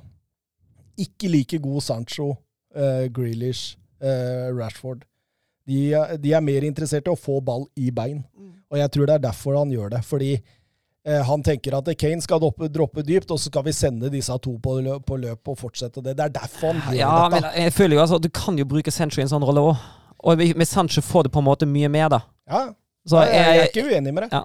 Så jeg, jeg, er jeg er uenig med det byttet der, rett og slett. Jeg forklarer hvorfor han gjør Ja. det, ikke, ikke Ja, ja. at jeg er uenig. Du forsvarer det ikke. Nei, Nei. gjør ikke det. Eh, og jeg forsvarer heller ikke at han tar ut eh, Declan Rice. Nei. Nå kan det være noe med han i forhold til han har gått tom eller noe sånt. Det, det, det var den første tanken jeg hadde, at eh, nå er Declan Rice tom, for Declan Rice hadde jo en strålende match. Han, han eide jo midtbanen i store deler av kampen, altså. Mm. Kommer Henderson inn, da hadde jeg mer lyst på en litt mer offensiv spiller, sånn at de skulle vise at vi er på hjemmebane. Vi skal bestemme dette her, nå skal vi opp. Og, men likevel så virka det som de hadde noe å forsvare på 1-1. Mm. Likte jeg ikke helt. Um, Det, det som var kult med ekstragangene, var at det var to lag som det så ut som hadde, lyst, hadde Ja. ikke lyst på straffekonk. Ja. Og det var litt gøy. Det var litt gøy. Fordi det, altså, England kommer seg litt utover mot uh, slutten der. Så går vi til ekstraomganger. Og så er det som du sier. Det er, det er jo faktisk to lag som har lyst til å avgjøre dette før straffesparkkonkurranse. Det er jo ikke veldig ofte man ser. Er jo ikke i en finale. Nei, jeg, jeg, tror jo, jeg tror jo italienerne tenkte at vi har en fordel i banespill. Nå har vi hatt bedre i store deler av kampen og har kommet oss skikkelig inn i det. Så straffekonk Vi vil ikke ta eh, den, den bingo-greia der. Mens England kanskje tenkte litt på at Italia har Donnarumma i mål, og har kanskje en muligens fordel der, med tanke på altså, det som har skjedd historisk med straffekonkurranser og, og England. Så ja, det er gøy å se, i hvert fall. Og eh, Pickford redder til og med med ryggen, så da Jeg skjønner, altså, altså På en måte skjønner jeg jo han vegrer seg litt for å gå ut der, for den duellen blir vond. mm. Men som keeper der å snu ryggen til, er det Du må få spørre keeperen i studio. jeg, jeg, ja, Men Søren hadde snudd ryggen til. Ja, det, er- men jeg, på mitt nivå, selvfølgelig. men uh, at en profesjonell keeper gjør det, det er, Nei, jeg er enig, Mats. Men det blir noen sånne halvsjanser til begge lag. Stones har en på dødball, Stirling er så vidt igjennom der, hvor Celini Cellini viser all rutine i hele verden. Eh, du har vel også en, eh, den sjansen, ja, altså hvor, eh, hvor Pickford redder med ryggen. Eh, men så kommer jo situasjonen det blir snakka mest om sånn i ettertid, da, det er, eh, det er også Jonathan Hobber som spør hvorfor er det ikke rødt på Jorginho? Det tror jeg jeg har et svar. Mm. Jeg, tror, jeg tror grunnen er at han han prøver å gå etter ballen, han tråkker på ballen, og fra ballen sklir foten opp på låret til Jack Grealish. Jeg tror det er det at det gjør at VAR ikke griper inn og mener at dette er klink rødt. Eh, jeg mener at man fint kunne ha gitt det røde kortet her. Eh, jeg mener at det er i skikkelig skikkelig grenseland her, men jeg kan også se at det gule akkurat fortsatt kan forsvares. Er du enig? Ja, Ja, altså Jeg er enig. Altså, for meg, når du ser reprisen, så er det jo klink rødt. Det er jo ingen, det er jo ingen tvil. Nei. Eh, så jeg, jeg er jo ikke helt enig med Søren i at det fins en grunn her. Men eh, hvis det er det som er grunnen til at de har gitt gult, så fair. Jeg, jeg, jeg, altså Nok en gang, da. Jeg skjønner forklaringa og forstår forklaringa, men eh, Jeg er ikke enig. Nei, jeg er ikke like Altså, når du planter alle åtte-tolv skruknotter inne i låret til Nå ligger den jo nede, da. Det er jo det Mm. som kanskje også Ja, jeg tror, jeg tror det har noe å si. Nei, han er, han er litt sånn grenseland. Jeg tror jeg ville gitt rødt, men eh, jeg forstår også dommeren. Og da, da går man jo til straffespark, da. Ja. Og England, du England, du kjære England. Nok en gang i straffesparkkonkurranse. Vi har fått et spørsmål om den konkurransen nå, da. Ja. Fra Jørn Henland. Mm. Og han eh, lurer på hvor overraskende var straffen til Harry Maguire. Ja, for vi kan ta den. Eh, Berardi eh, starter med å sende Pickford feil vei. Kane eh, har en eh, svarer med 1-1 med en eh, hardt ned i hjørnet. Eh, Belotti, da. Eh, Svak straffe. Ja. Svak straffe. Pickford redder. Så kommer McCoy. Ja, og det var Han banker den i krøsset! mesterskapets beste straffe. Men feilmarginen for å ha mesterskapets dårligste Ja. straffe, den er ikke langt unna, Nei. altså. Men det, er jo, det blir jo en fantastisk straffe, selvfølgelig. Rett opp i kamera, opp i krysset der. og ja, Det var kanskje ikke han du forventa den straffa, samtidig som det er kanskje han du forventa en eh, lukke øya om er det straffe. Så, men, men det er fantastisk. Bonucci, Pickford, er nesten på'n der. Han er litt for høy. Han løfta den akkurat høyt nok. Akkurat. Og så kommer Rashford, som ble satt inn for å ta straffespark. Ja, de tre siste straffeskytterne nå til England, det, det gikk fryktelig dårlig. Eh, Rashford med, Han får jo Donnarumma feil vei, men eh, han har den ikke innenfor stengene, gitt. Og da blir det i hvert fall ikke mål. Det er jo, det er jo skikkelig oppsiktsvekkende at av de siste fem straffesparktakerne er det én som treffer. Jeg vet ikke om det har skjedd tidligere også.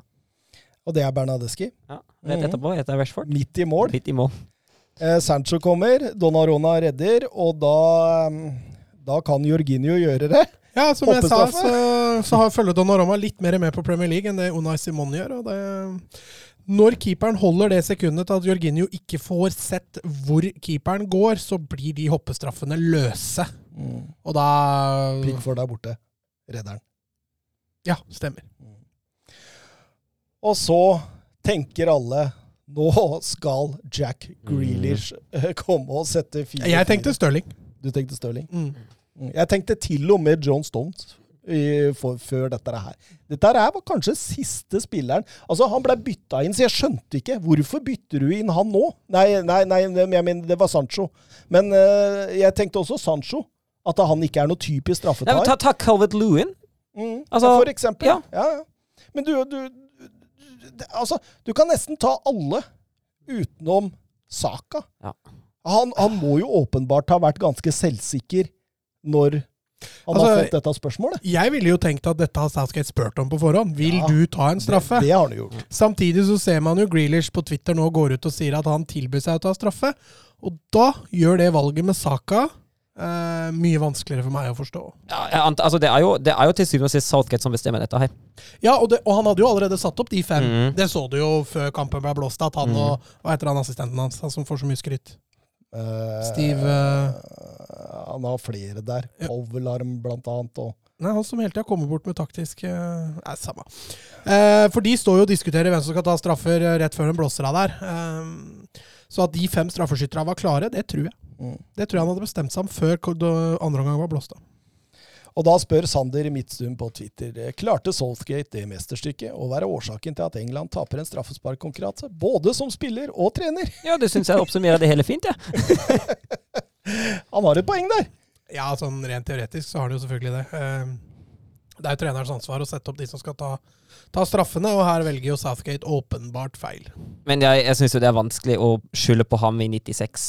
Det er jo sånn som skjer som spiller. Det, er, det, er, det blir jo sånn, Jeg kan ikke skylde på Saka nå at han bommer. Det er, altså, det, det er sånn som skjer. Jeg syns eh, Altså, bommer, det er tre stykker som bommer. Ja. Ja. Ja.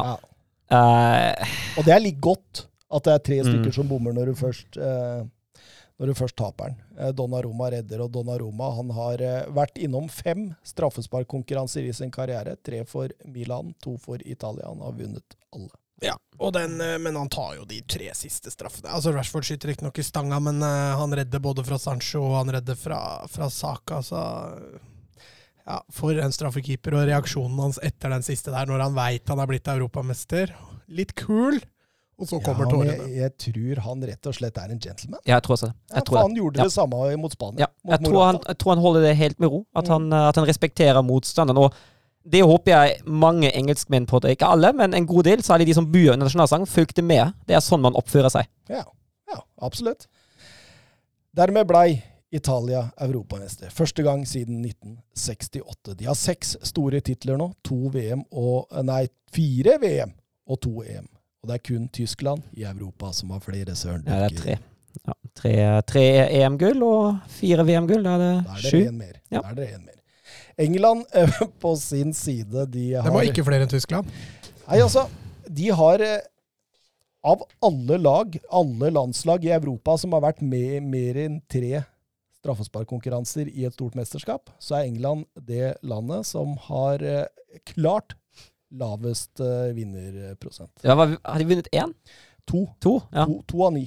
Ja. To av ni. Ja, For de vant i 96 mot Spania. Eh, må, ja, ja, ja. ja. Og så Nei, det var i VM, det, når de vant i ja de vant, i, vant i VM 2018 Mot Colombia, ja. mot Colombia, og så vant de mot eh, Spania i EM i 90. Ja, Snakker du både VM og EM nå? Ja. Ok. Ja, nei, da stemmer det. Eh, 22% seiersandel på, på straffesparkkonkurranse. Det er sterkt. Det er sterkt. Jeg husker da i den, den, det ene året Vårsbakk hadde en, eh, hadde en engelsk trener. Vi fikk fire straffer har vi bomma på alle. Det er bra. Eh, Twitter, Sandra HJ Grealish spilte 172 minutter fotball i dette mesterskapet, bare til info. Det er litt uforståelig. Ehm, altså Stirling har jo proved us wrong, hvis jeg kan si det på den Ja. Jeg syns han forsvarte den plassen.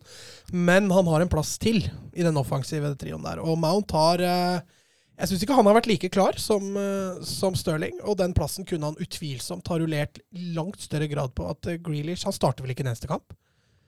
Eh, så både Grealish og Sancho kunne med rette fått eh, mer spilletid i det mesterskapet her, tror jeg. jeg Eh, så var vi også litt inne på det i bilen, Thomas, at han kunne også ofra Rice eller Phillips eh, for å få plass til en offensiv spiller til. eh, I hvert fall i et par av de kampene England spiller. Ja, i hvert fall, altså Jeg skjønner jo at han spiller med Rice og Phillips nå mot England og så mot Tyskland, men uh, særlig mot Ukraina og Danmark kunne Mm, han, ja. kunne han fint ha spilt med en, med en mer offensiv. Altså, jeg skjønner jo heller ikke at Saka blir så foretrukket Jaden Sancho. Jeg forstår det ikke. Jeg synes, altså, All ære til Saka. Jeg syns han er en god fotballspiller. Han er, han er et godt talent. Han, han har klasse, men jeg syns Sancho er en klart bedre fotballspiller per dags dato. Og så får han vel kanskje litt eh, hvis, hvis det er sånn at Rice blir bytta ut i finalen fordi han er sliten, Mm. da kan han eh, fint ta den på sin egen kappe òg, Mm. så at han ikke rullerer dette oftere. Absolutt. Eh, litt eh, stats fra årets eh, EM. Ikke, ikke noe banens beste. Den har jeg helt glemt, jeg. Så det må jeg ta på sparket. Ja. Skal, kan skal jeg begynne, da? Jeg Skal du ta- ta det på sparket? så sånn at jeg ikke får eh, Åh Skjesa, tre poeng. Uh, Declan Rice, to poeng. Uh, Bonucci, ett. jeg tar Bonucci på tre. Jeg syns Bonucci har vært helt innom. Han, altså det han gjør defensivt, og så scorer han altså, eh, han, er jo, han er jo hjertestykket i, uh, i det som skjer. Jeg er enig med Rice på to, og så setter jeg Chesa på ett. Han er jo i lange lange perioder den eneste store Det var de samme, da. selv om jeg De samme, men jeg bytta bare tre og en av din. Ja. Men jeg er enig i de. Men du kunne også hatt Kilini i Ja. den eh, miksen her. Kunne hatt Shaw. Kunne hatt Shaw. Mm. Det var de fem det sto mellom også for meg. Men jeg, jeg er helt enig med Thomas. Eh, flott, flott. Da skal vi ha noen stats. Eh, Toppskårer Ronaldo og Patrick Chick. Hva tenker vi om det? At Ronaldo er toppskårer, det, Ja, det, det- det, Men han har, han har vel skåra tre på straffe, har han ikke? Jo, det er vel noe sånt. Ja. Men at Schick er jo en hyggelig overraskelse. Det er en hyggelig overraskelse. Det var hans uh, høydepunkt i fotballkarrieren. Eh, Mestskårende lag Spania og Italia med 13 hver. Mest assist Steven Sober, nok en gang. Ja. Mesterskapsspilleren uh, hanka inn fire assist. Flest clean sheets er England, med fem. Eh, spilleren som spiste Spiste, han spiste ikke, han spilte flest minutter i mesterskapet. Kan dere tippe hvem det var? Ja, Donna. Nei, han ble bytta ut. Eh, Pickford. Nei, Det må ha vært Donnarumma. Han blir jo bytta ut i ett minutt. Ja, for da, Eng- eh, Italia har Mhm. også ett eh, et, eh, mest, nei, én ekstraomgang. Eh. Å ja, nei, Mm. det Donnarumma er mest med 719 minutter. Jorginho er den utespilleren med flest minutter, 705. Eh, kan dere tippe hvem som skapte flest sjanser av alle i dette mesterskapet? Jordi Alba lå jo der, da. Jeg veit ikke om han endte opp der. jeg. Nei, Nei. Eh, kan du si hvilket land han var fra? Italia. Ja, Chiesa. Eh, Insigne. Nei. Uh, Barella. Nei. Uh, Immobile. Donnarumma, da! Marco, Marco Var Bare Marco Verratti. Marco Verratti. Ja, han hadde tolv created chances. Ja. Det ble det- bare én mer enn Alba, da. Og den som har skutt mest, det er Daniel Olmo. Ja, det, Han, har 21 skudd på 379 minutter. ja, det er ganske mye. Eh, Jørgen B. Ready Nystuen han ønsker seg eh, 90 minutters Euro Allstar Team-lag, altså turneringens lag. Og her skal vi diskutere oss fram til et lag satt opp i en 4-4-2-formasjon. Skal vi se på keeper, da? Da kan du begynne med keeper, du med Beck, og så går vi rundt. Ja. Jeg har to kandidater på keeper, og de er egentlig ganske jevne. Uh, og Det er Schmeichel og Donnarumma. Jeg syns begge to har et uh, enormt mesterskap. Uh, jeg heller litt grann mer mot Donnarumma. Han blir jo uh, avgjørende i to straffesparkkonkurranser, men jeg kan fint leve med Schmeichel også. Det er de to det står mellom. Med litt telling mot uh, Donnarumma for min del. Jeg har med Pickford òg, jeg. Ja, og jeg hadde med Sommer òg, jeg. Nei, jeg, jeg landa også på Donnarumma, egentlig med, egentlig med god margin, faktisk. Han har et par utrustninger der som er litt tabbete, men det blir ikke straffa for det. og Da. Han er så avgjørende. Mm. Det er. Han blei jo kåra til EMs beste spiller Ja, ja. av Uefa. Og så, og så tenker jeg på eh, Hvis du ser forskjellen på en straffesparkkonkurranse når f.eks. Unai Simon eller Jordan Pickford står i mål der kontra Donnarumma, og så ser den høyden, den rekkevidden Han eh, altså han, altså han er autoritær. Han er 22 år. Han har spilt 280 kamper for AC Milan. Han er 22 år! Mm. Han går gratis til Paris Saint-Germain mens vi sitter og prater her nå. Det er enorm keeper. Altså, det er, er det verdens beste keeper eh, for tida? Nei, men spør meg igjen om et par år. Ja, hvem er bedre? Ja, Oblak, da. Eh, Neuer og Oblak. Jeg kan, jeg kan være med på å jeg har så Ja, forkjærlighet ja, for, for, for keepere som er gode med ball i beina. Da. Noia syns jeg har hatt et svakt mesterskap, altså. Eller svakt og svakt, da. Men altså, litt sånn passivt, da. Jeg er ikke den gode gamle Noia. Han har jo hatt noen uheldige involveringer mot Ungarn og Portugal. Og en Noia i toppform hadde tatt i deg, de to han får. Ja, men, jeg, ja, men jeg snakker jo ikke om mester... Du snakker nå om totalt, ikke sant? Ja, ja. Ja, du Ja, snakker men ikke om i EM. Nei, ellers så hadde Oblak vært litt rart. Da. Ja. Ja, men Noia, Noia har vært litt sånn den sesongen òg. Altså, det, det er litt sånn Det er et eller annet nå som eh, Jeg vet ikke, det er litt sånn fallende form igjen nå for tida. Altså. Altså, han er jo kjempegod, det er ikke det. Det er klaging på høyt nivå, det her, altså. Jeg, jeg, jeg, bare, jeg digger Donnaroma. Han Ja. skal få den eh, keeperplassen der. Ja. Høyrebekke, Mats. Ja, jeg, altså Hvis vi skal ta høyrebekker som har spilt høyrebekk hele mesterskapet, så lander jeg på Kyle Walker. Uh, men jeg har jo tatt en liten Altså, det er veldig mange venstrebekker. Og en av de venstrebekkene som har gjort det fryktelig bra, er Joakim Mæhle. Så det er en jeg tenkte å dra over på høyrebekken, for han er jo høyrebeint og spiller høyrebekk i Atalanta. Eh, så Mæle og Walker er vel kanskje det det sto mellom, og jeg heller litt mot Mæle, faktisk. Denzel Dumfries, er det noen av dere som var med han? Ja, jeg har, har med Dumfries, ja. Han var jo liksom ekstremt god i to kamper. Han spilte jo ikke noe mer enn åttendels. Liksom. Men jeg, støt, ja, jeg støtter egentlig forslaget til Mats. Jeg syns det var, var en god plan. For Jeg hadde egentlig lyst til å ha med Male, men eh, på venstre er det på en måte to som, eh, som utkonkurrerer en litt. da Men Male hadde absolutt forsvart en plass på det laget. Ja, men jeg er jo ikke uenig heller med Dumfries, ja, altså. men, men jeg, Mæla var eh, Nei, jeg lander for uansett på Mæla. Greit, jeg er med. Jeg er med på Mæle. Eh, skal vi ta begge stopperne nå, da? Ja. jeg har jo Altså, det er ikke Altså, jeg har Stones, Maguire, Cellini, Bonucci Mm. og Simon Kjær. Det er de fem jeg har. Ja. Og, og jeg, jeg har lyst til å lande på Nå kommer det til å le, med Maguire og Cellini. Ja, jeg, kan, jeg støtter den. Jeg støtter den. Ja, jeg, er med på, jeg hadde Bonucci og Cellini, jeg, da.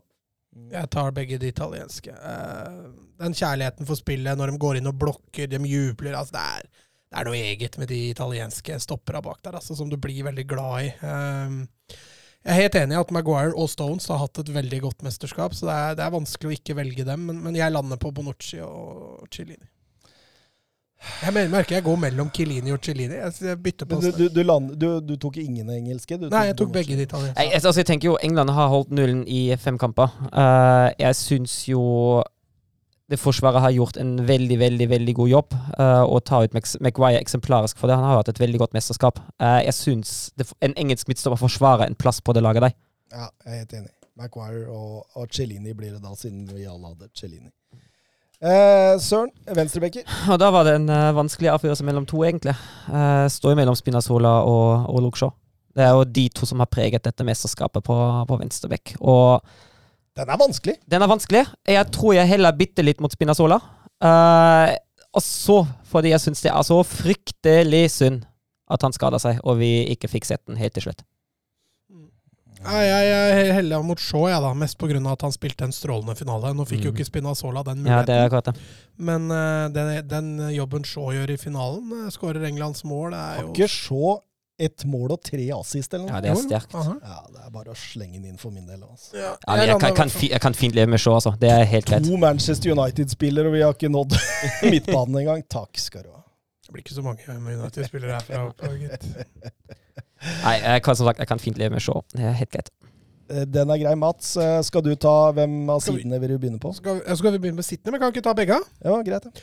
Jeg har nominert, kan jeg si det på den måten. Jeg har dyttet Pedri ut på kant, da. Bare sånn for å gjøre plass. Oi, såpass, ja. Så har jeg Barella, Høibjerg, Rice, Jorginho, og så har jeg med da litt sånne outsidere da, som gjorde det bra mens de ennå hadde sjansen, holdt jeg på å si. De røk ut tidlig. Både Pogba og Renato Sanchez har jeg også tatt med, men jeg lander jo selvfølgelig på Høibjerg og Barella, nettopp for å få Pedri da ut på kant. Mm, mm, mm. Men Rice og Jorginho for så vidt var Mm. veldig nære, altså. Men, eh, men, men, men syns du at eh, Barella var så god i semifinalen og finalen? Jeg syns han var bra i semien. Jeg synes det. I finalen var han jo helt usynlig. Jeg syns han fikk en liten down mot slutten der. jeg, Som Ja, mot. Spania, jo, mot Spania. Ja, for så vidt, kanskje. Men, men fortsatt, da. Han har jo hatt et strålende mesterskap. Høibjerg siler vi, eller? Høybe- Høybekk er jeg helt med på, men jeg er litt enig med deg, Thomas. Jeg har egentlig lyst til å få en Declan Rice for Barella, ja. For jeg syns Declan Rice uh, presterer mer konstant. Barella er veldig, veldig god når han er god, men uh, jeg, jeg savner han litt i semifinalen, og særlig i finalen. Ja, finalen er usynlig. Jeg har eh, ved siden av Høibjerg Verratti eller Pedri. Han hadde det, ja. Ja. Kan Jeg kan, jeg kan godt bli med på Rice, men jeg, jeg, jeg har ikke Nei, Pedri må jo være med. på Barella, faktisk. Pedri må jo være med òg. Ja, men, hvem, men åssen side har du satt Uh... Nei, det spiller jo ingen rolle. Det gjør jo det. Ja, jeg har satt den på venstre. Du har satt den på venstre. Ok, ok. Høibjerg og Pedri, skal vi si det, eller? ja, ok, da. Er, er dere med? Ja. Um, der på høyresida, uh, der har jeg tre alternativer. Jeg har eh, Ronaldo av uh, Cristiano, versjon Cristiano.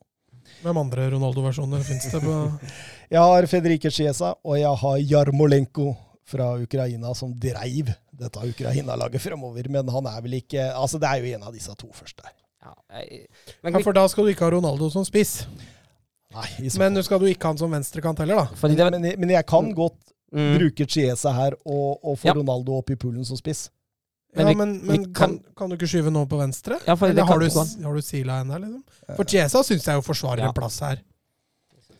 Men skal vi bare sile Chiesa på høyrekant, høyrekant da? Ja, ja. Kan spille både høyre og venstre. han. Og hva har vi på venstre da, Søren? Ronaldo kan man jo ta med. Eh, Jeg syns Raheem Stirling absolutt kvalifiserer til, eh, til en plass. Og jeg syns også Forsbekk har gjort et bra mesterskap. Jeg kan godt fint nominere Forsbekk til en, eh, til en plass der òg. Jerry, Jeremy Doku. Jeremy Doku går jo eh, Han har spilt litt lite, syns jeg. Dessverre. Steven Sober. Steven Sober kan også være med. Det er også greit. Men Jeg kan med som venstre back? ja, men venstre vingbekk, da. Sveits, eh, Sveits har jo gjerne spilt med, med vingbekka, så jeg føler jo at det blir sånn litt imellom, da. Og med tanke på de offensive kvalitetene han har vist, er det jo helt greit å diskutere ham som uh, venstrekant. Men jeg vil ha med Stirling i dette laget. Ja, det er, det er helt OK for meg, altså. Stirling kan godt være med deg. Vil du, Mats? Ja, det er greit. Det er ikke noe viktig. Da blir Ronaldo spist, da. Samme skikk. Ferdig. Ja, for det, det er vel det det blir. Ja. Eh, kan jo nevne Lukako eh, i hvert fall, og Kane i hvert fall i noen kamper. Jeg syns jo særlig, særlig semifinalen, som du har vært inne på, Thomas, var god. Absolutt, absolutt. Da blir eh, eh, vårt allstar-lag for dette EM-et Donnaroma i mål. Mæle høyrebekk og Shaw venstrebekk. Maguire og Cellini midtstoppere. Chiesa høyre kant. Barella Nei, ikke Barella. Høibjerg og Pedri sentralt. Fikk du en Barca-spiller nå, Mats? Og Stirling på venstre. Ronaldo og Patrick Schick, de to toppskårerne, på topp. Mm. Mm, bra lag, bra lag. Eh, på Facebook fikk vi et spørsmål fra Christian Engen. Han hadde lyst til at vi snakka om EM-profeten. Ja, den var jo over nå. Den var jo gøy. Ja, det var jo noe du satte i gang eh, før EM, Søren. Ja, jeg tenkte det var litt gøy. Og, altså, jeg er litt dårlig med, med å holde fantasy-laget oppdatert, så jeg tenkte det var gøy med en litt annen konkurranse uh, under EM. Ikke bare fantasy, og litt tipping. Og det var jo 21 som til slutt ble med. Ja, for dette var jo tipperesultatet, noe vi har gjort Mm. i ganske mange kamper. Mats stakk vel av med seieren der sånn i, i liga. Liga. Og, og godt var det, for der eh, i, i denne delen havna du langt bakpå, Mats. Ja, det er jo som med dette som med dette managergreiene vi driver med, at havner jeg for langt bakpå, så, så glemmer jeg det litt, og så gidder jeg ikke å følge det opp. Så det var det som skjedde nå. Men skal vi lese topp tre? Ja. For, eh, for eh, på topp, Christian Engen. Han eh, vant eh, ligaen med 61 poeng. Gratulerer. Gratulerer, Christian. Nummer to, Thomas Edvardsen. Mm. Altså, Han er det noe kjent med. 58 poeng, og jeg fikk også hele åtte fulltreffere, Ja, som det var mest i ligaen. Eh, nummer tre, Even Hagen med 56 poeng. Eh, Søren Døpker, du havna på femteplass. Det er solid. Det er faktisk helt greit. Kan jeg fint leve med. Det tok jo lang tid før jeg fikk en fulltreffer. Altså. Ja, det, det, det Jeg husker jeg så sånn midtveis der Ah, du nedover. hva? Absolutt alle i ligaen hadde en fulltreffer, utenom Søren Det var jo en periode der jeg, der jeg bomma på alt med ett mål. Og så kom det overtidsskåringer eller seine skåringer som ødela. Ah, Ja, fryktelig frustrerende. Det var EM 2 2020, eller skal vi si 2021. Vi sier 2021. vi. Ja, Gøy var det. det var gøy. Det Eh, er bare et år til neste. et av de bedre mesterskapene jeg kan Mm. huske. Ja. Sånn underholdningsmessig. Ja. Og for all del, vi har fortsatt Christian Eriksen med oss. Og det er det aller, aller viktigste. Legger han opp nå, tror du? Han får i hvert fall ikke lov å spille med Peacemaker i Serie A. Men jeg, te altså, jeg tenker jo, han er jo altså Det er jo synd å aldri se ham igjen på en fotballbane, men han er jo 29. Eh, det nærmer seg jo på et eller annet tidspunkt slutten av karrieren uansett. Og han, eh, han kom da fram med livet i behold og uten varige men. Og alt annet får egentlig bare være en bonus, tenker Ja. jeg. Og så har han fått seg en ålreit karriere. Ja, det, Det altså det uansett. Det er han uansett. Og ja, han kommer Ja, men- sikkert til å få, få en fin stilling innen fotball om han ønsker det. Selv om han må legge opp. Veit det var mange som drømte om Danmark-EM-gull, og at eh, Eriksen var eh, innpå matta for å løfte pokalen. Det hadde vært stort. Mm, det hadde vært helt rått. Ja. Vi skal over til eh, finalen i Copa America. Den eh, blei spilt eh, natta før EM-finalen, og den Altså, vi, det var ikke snauere enn eh, Brasil mot Argentina her. Nei, men Det er fint at du nevner, at du nevner et underholdende mesterskap, og så går det over til, til den kampen der. Ja, det var kanskje ikke all verdens, men altså Argentina kom til finale etter straffekonk mot uh, Colombia. Um, Jerry, var det Jerry Mina og, og Lionel Messi som hadde noe mot hverandre, Mats? Ja, Jeremina hadde jo skåra på en straffe eh, kampen før, når Colombia gikk videre, og da hadde han jo stått og dansa. Og det syns ikke Messi noe om, så da ba han Jeremina danse etter at han hadde bomma i straffekonken. Så da, da fikk vi se en side av Messi som vi ikke har sett så ofte. Litt sånn ærgjerrig. Ja, Ja. Men samtidig, jeg syns han retta opp. Men jeg tror Messi har veldig respekt for Brasil og brasilianere. For etter at de vant og sto og feira, så begynte um, Var det Rodrigo de Paul som sto og dissa Brasil? Mm. Da sa Messi klart ifra at det gjør du ikke. Brasil til finale etter 1-0 eh, mot eh, Peru. Skåring av Paqueta. Eh, Lionel Messi var turneringens toppskårer med fire mål før finalen. Eh, delte den tronen med Luis Diaz, eh, Colombias og Porto, FC Porto, så vidt jeg eh, husker. Eh, Brasil hadde fordelt det litt mer. Lucas Paqueta og Neymar hadde to hver. Ellers så var det jo voldsomt mange som hadde ett mål. eh, Både Firmino, Rikarlison, Everton, eh, Casemiro, eh, Marquinhos. Det var voldsom fordeling det. Eh, kampen litt rotete og oppstykka, eller? Og veldig mye dueller. Mm. Eh, Neymar får shortsen tidlig revet opp der. Eh, sokkene til Paketa er det vel som går i stykker etter noen knotter. og det er en eh, Altså, det kampen ikke har av underholdning, tas jo igjen i voldsomt duellspill og innsats. altså. Forvente samba og får knokkel, søren. Ja, og så blir det jo fryktelig, fryktelig mange frispark. Og det blir jo egentlig ikke noe flyt i spillet i det hele tatt. Og altså, Det er kanskje ikke så rart at det blir, blir knokkel, med tanke på at eh, de to landene og lagene er ikke nødvendigvis sånn veldig veldig glad i hverandre historisk sett, de heller. Det er jo erkerivaloppgjøret deres. Men sa Petter Wæland at uh, Argentina aldri har vunnet på Maracana? Mm, Det fikk jeg ikke med meg. Det er mulig jeg husker det. Eh, Men eh, etter 21 minutter får vi eh, kampens første sjanse, egentlig. Og det blei også etter hvert kampens eneste Ja, det ble jo egentlig kampens høydepunkt, det. Men uh, nydelig bakgrunns, bakgrunnspassing av uh, De Paul, og så bommer jo Lodi fryktelig. Er jo ikke til å tro at han klarer å produsere den bommen i en finale. Og Di- Di Maria han uh, hvor iskald foran Edason, lobber den over keeperen og setter 1-0. Første skudd, første touch i boks for Argentina. 1-0. Det er ikke noe sexy dette Brasil-laget lenger. Nei, det er litt sånn plukka herfra og derfra. Ja, altså Fred har fått plass på midten. Ikke at han er, blitt en, er en, fortsatt en veldig dårlig fotballspiller, men Renan Lodi sitter stort sett på benken i Atletico, har ikke spilt så mye i år. Eh, Tiago Silva, som snart er 40. Eh, Ederson, som plutselig altså, Han også er en kul keeper, for all del, men rangerer ikke han som være teacher mot, eh, mot Liverpool-spillere? Ja, Både Alison Alisson Becker og Fabinho. Fabinho på benken. Ja, altså, altså- At Fred holder Fabinho på benken, er jo egentlig helt utrolig. altså Offensiven var Neymar, Richarlison og Everton. Mm. Ingen Firmino fra start. Nei, men, men hvor er Ronaldinhoen og Rivaldoen og Adrianoen og Ronaldoen? De er ikke der. Eller det er, det er Neymar som står for alle det. Husker dere VM i 2006, når Brasil stilte den Ja. firerbanden i front? Ja, herregud. Hva har skjedd med Brasil?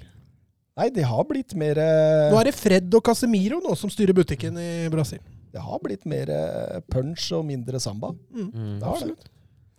For det blir jo en sånn litt sånn grå, trist og kjedelig eh, førsteomgang her. Ja, jeg kan jo si at Argentina lykkes jo, lykkes jo med å holde Brasil unna. Jeg syns Argentina er veldig gode til å stenge sentrum. De Paul gjør jo en mesterlig innsats, både med og uten ball. Han, Ja, eh, BB. Ja, definitivt. For- for- Definitivt. Uh, Der har Atletico skutt gull, tror jeg. men uh, Husker du hvordan vi slakta han i forrige Copa? Mm. Han og Lo Celso. Ja. Slakta det. Men nå spilte de jo litt andre roller. Mm. Kanskje litt Jeg jeg husker ikke om vi prata om det, men, men litt tydeligere indreløperroller.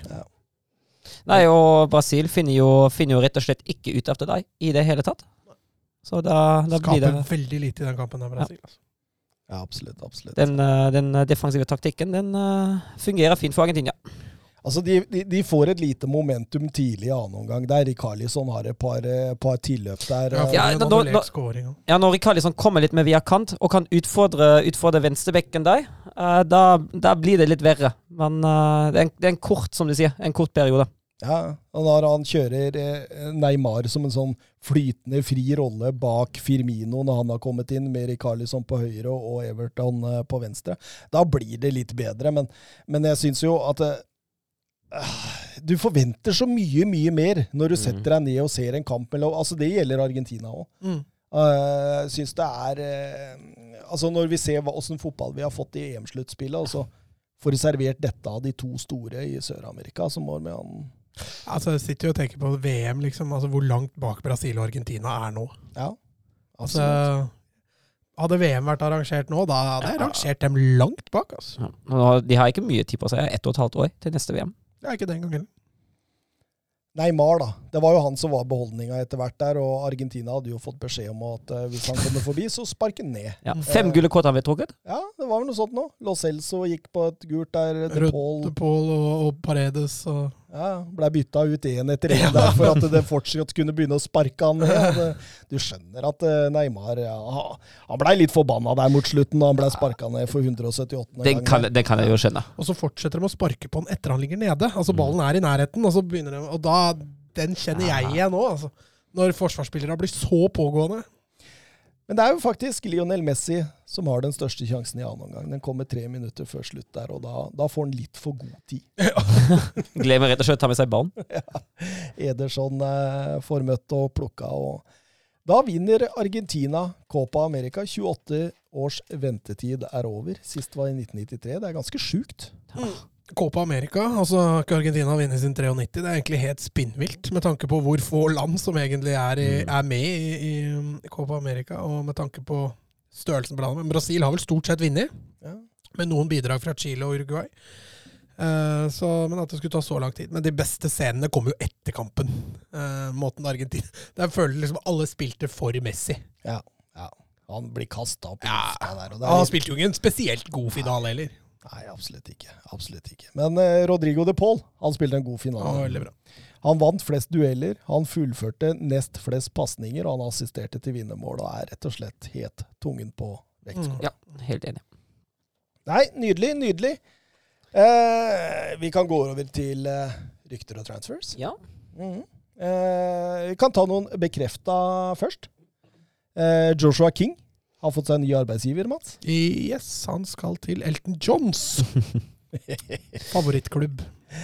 Eh, Watford der, altså. ja.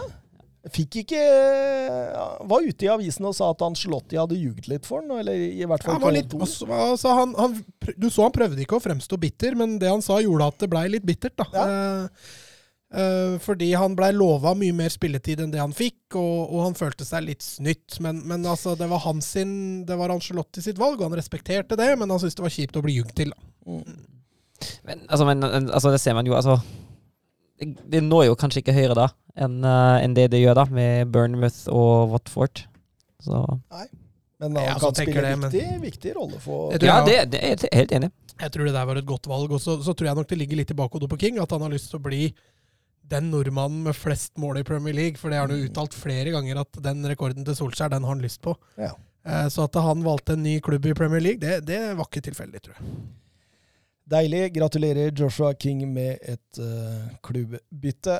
Um, Brighton har henta en RB Salzburg-midtbanespiller ved navnet Enok Evepu. Ja. Um, skikkelig arbeidshest på midten der. 23 millioner euro, så det er ikke noe liten overgang. Serbisk for- landslagsspiller. Forbereder dem å selge Bizuma? Ja, det er det jeg tenkte litt på, jeg òg. Er det det som er grunnen her, at det, det, det har blitt for mange Bizoma-beilere nå, Søren? Det kan jo fort være det, da. Men det er jo sånn, sånn sett er det jo smart å først hente inn en erstatter, og så selge, istedenfor å gå i den fella at man selger først, eller vet du at penger er ute etter en erstatter. Mm, mm. Så sånn sett er jo det riktig rekkefølge. Junior Firpo. Han ble klar for Leeds. Ja. Ja, Leeds det er en god overgang, det tror jeg. Eh, Vi får se Aljoski, som vel har besatt den posisjonen som Firpo er tiltenkt å konkurrere om. Jeg veit ikke helt om dette er en matchmaking eh, match made in heaven, for eh, Firpo har helt klart bevist at han er best som wingback. Mm. Så vi får se åssen han, eh, han takler dette. Spennende, spennende. Og så blei jo Hakimi klar. Ja, og det er jo litt som vi har også vært inne på når det gjelder Firpo er best som wingback, er jo Hakimi også klar, er best, klart best som, uh, som wingback, så det blir jo også spennende å se. Men altså, det er jo utvilsomt en uh, kjempetransfer for PSG. Ramos ble klar. Ja, det er, ja, det er jo helt sykt. Og så blir Donnarumma vel klar ganske snart.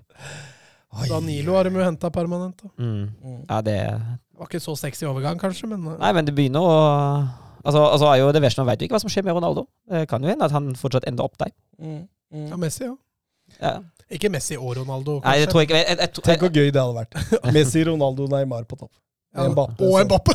Super innbytter. Super, super sub Mbappe. Ah, ja, så klarte jo Marseille å seile disse Schengus under eh, Matteo Gundosi og Paul Lopez. Eh, I tillegg så har de henta Gerson eh, Ballerdi og Conrad de la Fuente. Eh, Sampaoli mener alvor, han. Nå, nå skal de eh, krige om han ligatittelen her. Han henter jo ikke fra øverste hylle. Nei. Det er fra nest øverste hylle og nedover han henter her, så vi må ikke Nei, så, Men, men, det, men det er jo Det er jo faktisk potensialet i alle sammen. Absolutt. Men, men eh, det er noe uforløst der. Ja. Så hvis han greier å få ut det, absolutt, da, da har de noe spennende på, på gang. men altså, det er sånn altså, Jeg er jo enig i at det er noe uforløst, og det er et stort potensial. Men uh, altså, hvis du hører at PSG henter Hakim og Ramos, altså Ja. Nei, jeg ser poenget ditt. Jeg gjør det. Diego Simione skrev under ny treårskontrakt, Mats. Det gjorde han. Eh, Det var venta, vært egentlig klart lenge. Og så har eh, Frankfurt fått seg en ny offensiv midtbanespiller i Jesper Lindstrøm fra Brøndby. Brøndby, veldig spennende. Det er jo 2000-modell, offensiv midt. Ja. litt sånn uh, Kjøpe inn ung, og kjøpe inn med, med potensial. Så det blir veldig spennende å se en i Bundesliga. Gleder meg. Han har én dansk eh, landskamp i 2020, november 2020. Så det kan bli spennende å se. Og så må vi jo også selvfølgelig ta med at em, Super Mario Balotelli har skrevet under for Adana Demirspor i Tyrkia og blir lagkamerat med Jonas Svensson. Det er jo kult, da. Altså, han eh, klubbnomaden eh, Mario Balotelli, han eh, bare drar videre. Blei, er denne, altså, ble denne Berlusconi-satsinga satt litt på vent nå, eller av Jeg tror, jeg tror med tanke på at de ikke klarte å rykke opp, vil ikke Balotelli være i, i Monza lenger. Nei. Og det var jo, det var jo også da Kevin Prince Boateng kom fra til her, tror jeg. Deilig, deilig. og så får vi spørsmål for Van Dahl. Har dere noe på City-kjøpene Kaiki og Metinho? Altså, Metinho har jeg vært veldig lite borti, men Kaiki har sett litt rann av. Det er jo en, selvfølgelig en fryktelig spennende spiller. Eh, Jeg tviler på vi får et gjennombrudd eh, i 2021-2022-sesongen. Eh, Veldig uferdig. Er en typisk dribler. Neste Neymar har han jo blitt kalt. Han, er, han er jo en offensiv innoverkant-type, så jeg mener for hans del at City kanskje kom litt for tidlig for han, og at han må ta et par utlån eller eh, Mm. etc. Men eh, et stort talent City har fått, i, fått, i, fått tak i der. Ja, Mitinho er jo, altså, han er jo litt sånn uferdig. Han er litt sånn annen spillertype. Han blir jo kalt for den brasilianske Pogbaen. Oh. For han er jo, han er jo litt sånn mer sånn, sånn sentral, uh, sentral midtbanespiller med boks til boks. boks til boks, passingsfot, uh, oversikt, uh, posisjonering, taktisk smart. også god i, i taklinga defensivt, men altså, han er jo også 18, så han er jo ikke helt ferdig, han heller. Altså, Begge er 2003-modeller. altså, han, altså det, er jo, det er jo stort potensial i begge, ut ifra det, det lille jeg har, jeg har sett og forstått fra dem. Men uh, det blir nok fort det samme som Mats sier her nå på, på Mitinho, at gjennombrudd med en gang det, altså, det, det er jo ingen som forventer heller. Nei. Går nok uh, rett inn i Manchester City U23 foreløpig, og så, som Mats sier, et par utlån. Eh, I forhold til rykter, da, så eh, Det er jo noe på markedet nå. Kan du ikke ta med at Arsenal har fått ny venstreback? Eh, Tavares? Ja, Mm, Ja. Jeg føler bare vi har snakka så Ja, mye om det. dem nå. det har jeg aldri blitt bekrefta. nå har vi liksom Når det først endelig er bekrefta, så bare Da gidder vi ikke å prate om det. Basha, Basha fikk en interessant kantspiller, da. Ja, Josef Demir. ja, det er jo kjempespennende. Ja, Tidligere ukas talent. Ja. Ja, ja. Og han er jo, han er jo han er jo den eh, gullgutten i, eh, i Østerrike. Kjempetalent. Og Barca har gjort det smart. De har jo lånt den nå med utkjøpsklausul. Uh, åpenbart ved å se litt nærmere på den. Men det Barcelona B-laget nå, med Josef Demir, har henta altså en, eh, en Kais fra, fra PSG. Så det Barcelona B-laget nå, det, det begynner å se ganske bra ut. Altså Hvis Josef Demir er ment inn der, så, så begynner det å bli krutt. altså. Nydelig, nydelig. Um, I forhold til rykter eh, det er, det er veldig mye Arsenal for tida. Hva er det Arsenal skal gjøre for å ta steget opp blant de beste igjen? Det er det det, det spekuleres i. Det spekuleres i, i James Madison, at de prøver å, å, å hente han. Eh, ville han passa inn i en tier der? eh? Ja. Ja. Han ku- Men hvem hadde ikke gjort det i Arsenal?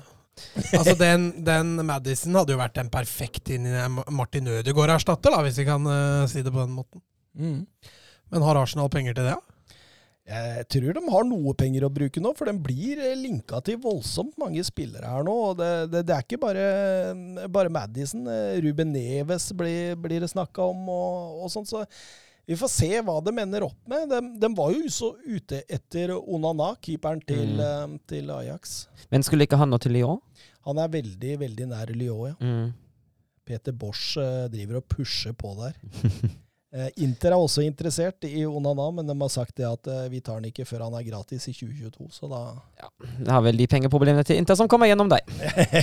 Sannsynligvis. Den fikk vel bare 60 for Hakimi òg, etter hva Ja. det står i, i diverse rapporter nå. Mulig det kommer noe etterpå, da.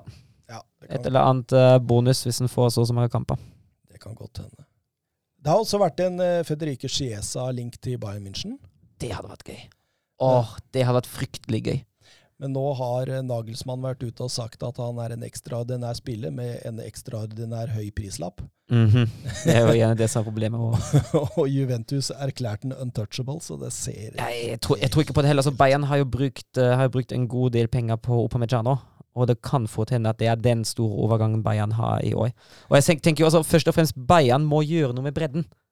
Uh, nå har jo, har jo Sané hatt litt tøft år i, eh, i Bayern første sesong. Har ikke hatt et godt EM i det hele tatt, men eh, Sané det er jo potensielt en klassespiller som sitter på kanta, og Gnawi på den andre kanten. Det er jo potensielt høy, høy klasse over de to. Og hvis Nagelsmann får de i gang, er det jo greit. Eh, så har de også en Komo som sitter, sitter bak og, og lurer og kan spille en god rolle. Men bak de tre, da er det ganske tomt. Og det er sånn der man kanskje må gjøre noe, at man får, får inn spillere som fint kan erstatte de tre, da, hvis det skulle være noe. Ja. Og det er sånn der jeg ser på meg. Jeg ser ikke problemet nødvendigvis i, i toppen, jeg ser problemet med i bredden. Du syns det er spennende når konkurrentene forsterker seg? Jeg syns det er gøy når Bundesliga får, får kule spillere. Men det er jo bare Bayern som har råd til sånne typer. Ja, hvem veit? Altså, jeg syns det er kult når kule spillere kommer til, eh, kommer til Bundesliga. Bayern kommer med et topplag uansett. Altså, Ja, men det, det Mats vil fram til, da, det er at vi sitter ikke og jubler når Rosenborg og Molde nei da, vi gjør, altså, vi gjør ikke det. Men altså, det hadde, altså, så fra et fotball, altså, jeg blir jo ikke glad når Bayern kommer med kommer med 11 ganger Messi og knuser oss 10-0. Det er jo ikke noe gøy. Men det er jo altså, fra et fotballperspektiv, skal, da. nå skal Bayern ha Messi òg, nå, Ja. Og, og i mål! Ja, men fra et fotballperspektiv hadde vært spennende med, Ja, jeg skjønner produktet Ja, Bundesliga. ja. Du lever og ånder for den ligaen, og du vil gjerne at Ja, jeg skjønner poenget ditt. Så, Så sånn, har Sancho forsvunnet, så da du, Man trenger litt påfyll. Ja, ikke sant? Det er, det er akkurat det. Altså, Selvfølgelig syns jeg ikke det er gøy at Bayern stiller med et lag som er uslåelig hvis det skulle være sånn, da. Selvfølgelig ikke. Men eh, jeg synes det er bra for Bundesliga at Bundesliga klarer å tiltrekke seg kule spillere. Ja. Bra for uh men, men det skulle gjerne vært litt flere lag som gjorde det enn Bayern München. Ja, det er jeg helt enig i. Men nå har jo de andre Altså, jeg syns jo den strategien de fleste andre lag kjører nå, uh, med å hente inn unge, lovende spillere, det er vel så spennende. Ja, ja, absolutt. Altså, det har jo det har vært uh, mange kule spillere som kommet inn som unge lovende. Altså, bare, altså Wolfsburg har jo har vært Lacroix, uh, nå. Du har jo hatt i i Dortmund har de jo hatt en hel haug av, av unge, spennende spillere som har kommet inn. Sancho var jo en av dem. Bellingham uh, kan man jo nevne. Leipzig har jo kjørt den modellen hele veien. og Det brer seg mer og mer i Bundesliga, og det, er- det syns jeg er, er Det er sånn kult. Bundesliga drifter. Ja. ja absolutt. Selge, hent, hente inn ung, lage stjernene sjøl, og selge dem dyrt. Type Timo Werner. Ja. ja. Det er jo en fin greie, det, Mats. Ja, ja. Jeg skulle bare teste han litt. eh, Lionel Messi skal ingen steder. Ny kontrakt eh, er nærmest eh, fastsatt til 2023, mener eh, Fabrizio Romano. Ja da, jeg tror også han signerer. Det skal visstnok være en kraftig lønnsreduksjon der, men fortsatt er Barcelona visstnok i trøbbel med dette lønnstaket til La Liga, så det blir spennende å se. Det, det er det som blir spennende nå framover. Bare kvitte seg med Coutinho, det så gjør jeg halve jobben. ja, jeg så jeg i dag at både Grismann og Dembélé også er satt på transferlista, så Ja, for Grismann han har vekka litt interesse hos Pep Guardiola. Er det en eh, B-plan for at Harry Kane mislykkes, eller? Kan godt hende det. Jeg er ikke samme typen, men Nei, men samtidig så føler du at begge kan spille den midtspissrollen i det systemet. ja. Ja, begge to er litt sånn spillende spillere òg, da. Ja, Så det kan, eh, det kan faktisk funke. absolutt. Uh, Huls Kondé, han blir aldri stoppa linka til Tottenham av seriøse aktører for tida. Men det er jo spennende. 51 millioner euro snakkes det om, eh, Mats. Hvis eh, Condé går til Nono Espirito Santo og Tottenham, hva vil Tottenham-fansen eh, kunne få da? De vil få en eh, Jeg kaller det kortvokst, det er til å være stopper. Men fryktelig duellsterk. eh, Spillende, relativt hurtig. Eh, fotballsmart, eh, men fortsatt uferdig. Altså Han spiller ofte på små marginer. da. Eh, kan fort bli straffa for det i Premier League. Men, men eh, et stort eh, stoppertalent som de kan dra nytte av i mange, mange år framover. Mm, deilig. Tottenham blir jo eh, linka til stort sett det som er av stoppere i eh, Jeg, så jo sette med en Lacroix-lenke nå. ja, ja, ja. Den, jeg tror jeg, altså Han har- skal vel visstnok ha sagt at han har lyst til å spille for Leipzig, da. Ja. Og jeg tror, altså jeg tror hvis uh, Lacroix går fra Wolfsburg, da blir det til Leipzig. Ja. Det tror jeg. Absolutt. Men jeg, jeg kunne godt tenkt meg han i Tottenham. Ja, så, eh, kul spiller, altså. Linken er velkommen. Ja, jeg er en kul spiller. Jeg tror bare ikke at han eh, Altså Hvis han har mulighet å dra til en Champions League-klubb i en liga han allerede kjenner, tror jeg han velger den. Og når du skrev det på vår felles chat, så skrev jeg også det ville jeg gjort òg. Ja. ja. jeg skjønner jo det, i hvert fall som, som 21-åring som nettopp har kommet til en ny liga for et år siden. Ja. Jeg er helt enig med dere, gutta. Um, Erling Braut Haaland. Chelsea. Ja, det, det, gir, det gir seg ikke. Nei, Nå har de samla opp et bud på 170, nå leste jeg sist. 170 millioner Ja, euro. det tror jeg nesten Dortmund snart uh... Ja, Der kan de jo ikke si nei. Nei. 1,7 milliarder. Han blir jo tidenes dyreste Nei, det gjør han ikke, men det er ikke langt unna. Nei, det er vel uh, en halv eh, milliard etter Neymar. Mm. Men han blir en god nummer to. Tenk, tenk det. Da, altså, Torsel han er tydeligvis ganske klar på det. Skaff meg Haaland. Jeg skal ha Haaland. Det er det det går på nå. De, jeg ser det også. De er nærmest ikke, altså, de er ikke linka til noen andre spillere omtrent. Det Ja, var men- så vidt litt Hakimi. Men hva, hva, hva altså, de trenger de så mye mer, egentlig? Nei, det er jo nettopp det, da. At det, det kanskje er den uh, brikka i puslespillet som uh, gjør at uh, Tussel uh, ser eh, Chelsea som en reell Ja, gullfavoritt. Kanskje- Giroud gikk nå. Hæ? Giroud gikk nå, gjorde han ikke? Ja, han er i hvert fall veldig close til AC Milan. Ja, det var det. Ja, som- Hadde kanskje hatt godt av en stopper til, da. En, en Ja. som, som øker toppnivået bak der litt, da. En spillende stopper. En, Ja. hol, en holekondé. Mm. Kanskje. Hols. Hals. Hols. Hols. Er det ikke det? Hols. Jules, Jules. som vi sier på Romerike. Jules kunde. Julekunde. um, Benitez han er litt redd fordi eh, Rikarlison er rinka til Real Madrid. Ancelotti har jo veldig lyst på Rikarlison. Og da har Benitez tenkt å erstatte han med sin gamle leiesoldat Alan Sant Maxime. Tror du eh, Rodriguez prøver, James Rodriguez prøver å smugle seg på det flyet? Ja, i kofferten til Rikarlison. Jeg skal til Ancelotti. Man må ikke heller føle seg svikta av Angelotti. Ja. Ja, jeg ble henta, og så ja, så drar Angelotti igjen etter at han fikk lurt den til eh, Premier League, og sånn middelhavsfarende klubb i Premier League. Det er så bra, vet du. Bare et par dager etter at han var uh, klar for Real Madrid, så begynte Ames Rodriguez å sutre. Ja. eh, Kurt Zuma kan også bli tilgjengelig. Eh, Roma og Mourinho har forsøkt å hente ham på lån, men Chelsea vil åpenbart ha cash. Og der er Tottenham, Everton og Wolverhampton mest, eh, mest eh, på ball. Hva, hva, hvilken av disse lagene kunne Kurt Zuma passe inn? Altså, det, det jeg tenkte egentlig mest på nå, det var at hvis de selger også Kurt Zuma, da må de jo egentlig hente en ny midtstopper. Mm. Det går altså, da, det begynner å bli virkelig tynt, uh, to, tynt bak der. Ja, for, for, hva er det de har da? Da har de Rodiger. Christensen Tiago Silva. og Thiago Silva, og så kan man jo bruke Alonso kan vel også spille stopper, men det har gjerne, eller spille Keita også, men det har jo gjerne ikke fungert sånn superbra, da. Mm. Mm. Altså, han har kjørt, eh, han ikke kjørt James litt på stopper sånn mot kjappe Jo, spisser. han, han kan bruke det hvis du, du spiller så høyre inn treer, Mm. men uh... Men altså, jeg føler, jeg føler altså, hvis du også mister Zuma, da har du, da har du ikke så mange virkelig rene stopper igjen, altså. Nei. Og så skal du jo gjerne spille en trevekslinje av de. Det kan fort bli en ny stopper da, ja, i så fall. Men to Kurt Zuma, han er jo bra. Ja, han er det. Ja, altså en Trebekk-system i Tottenham eller Leverton, det passa bra, det. Helt klart. Helt klart. Um, Gabriel Jesus kan være på vei til Juventus. Nei, Det har ikke Juventus råd til. Tror du? det? Nei, da må de bytte. Altså, han, han er ikke litt for ung til å spille Juventus. Jo. Han, han må signere en tiårskontrakt, for det er, de, de, de prøver å få dette til å bli et framtidsperspektiv på det. Ah, deilig, deilig. Eh, for å avslutte dette med ryktet litt også. Det, det, det var, så jo nærmest som hugga i stein forrige uke at Kamavinga og, og Varan så å si Ikke langt unna Manchester United, i hvert fall, men det har fått en liten skudd for baugen. fordi de siste rapportene nå tyder på at eh, Manchester United har spurt Real Madrid om pris på Varan, men Real Madrid har nekta å svare og bare de, bare overser den. Mens Kamavinga begynte å, fable litt om eh, Paris Saint-Germain. Det er litt sånn der de unge franske også vil til PSG. Det er jo litt kult det også, selvfølgelig, at de ikke vil dra til de største klubbene med en gang, men eh, en Kamavinga Ja, at uh, spørs om han får spille noe mer i PSG enn han hadde fått gjort i United. Da.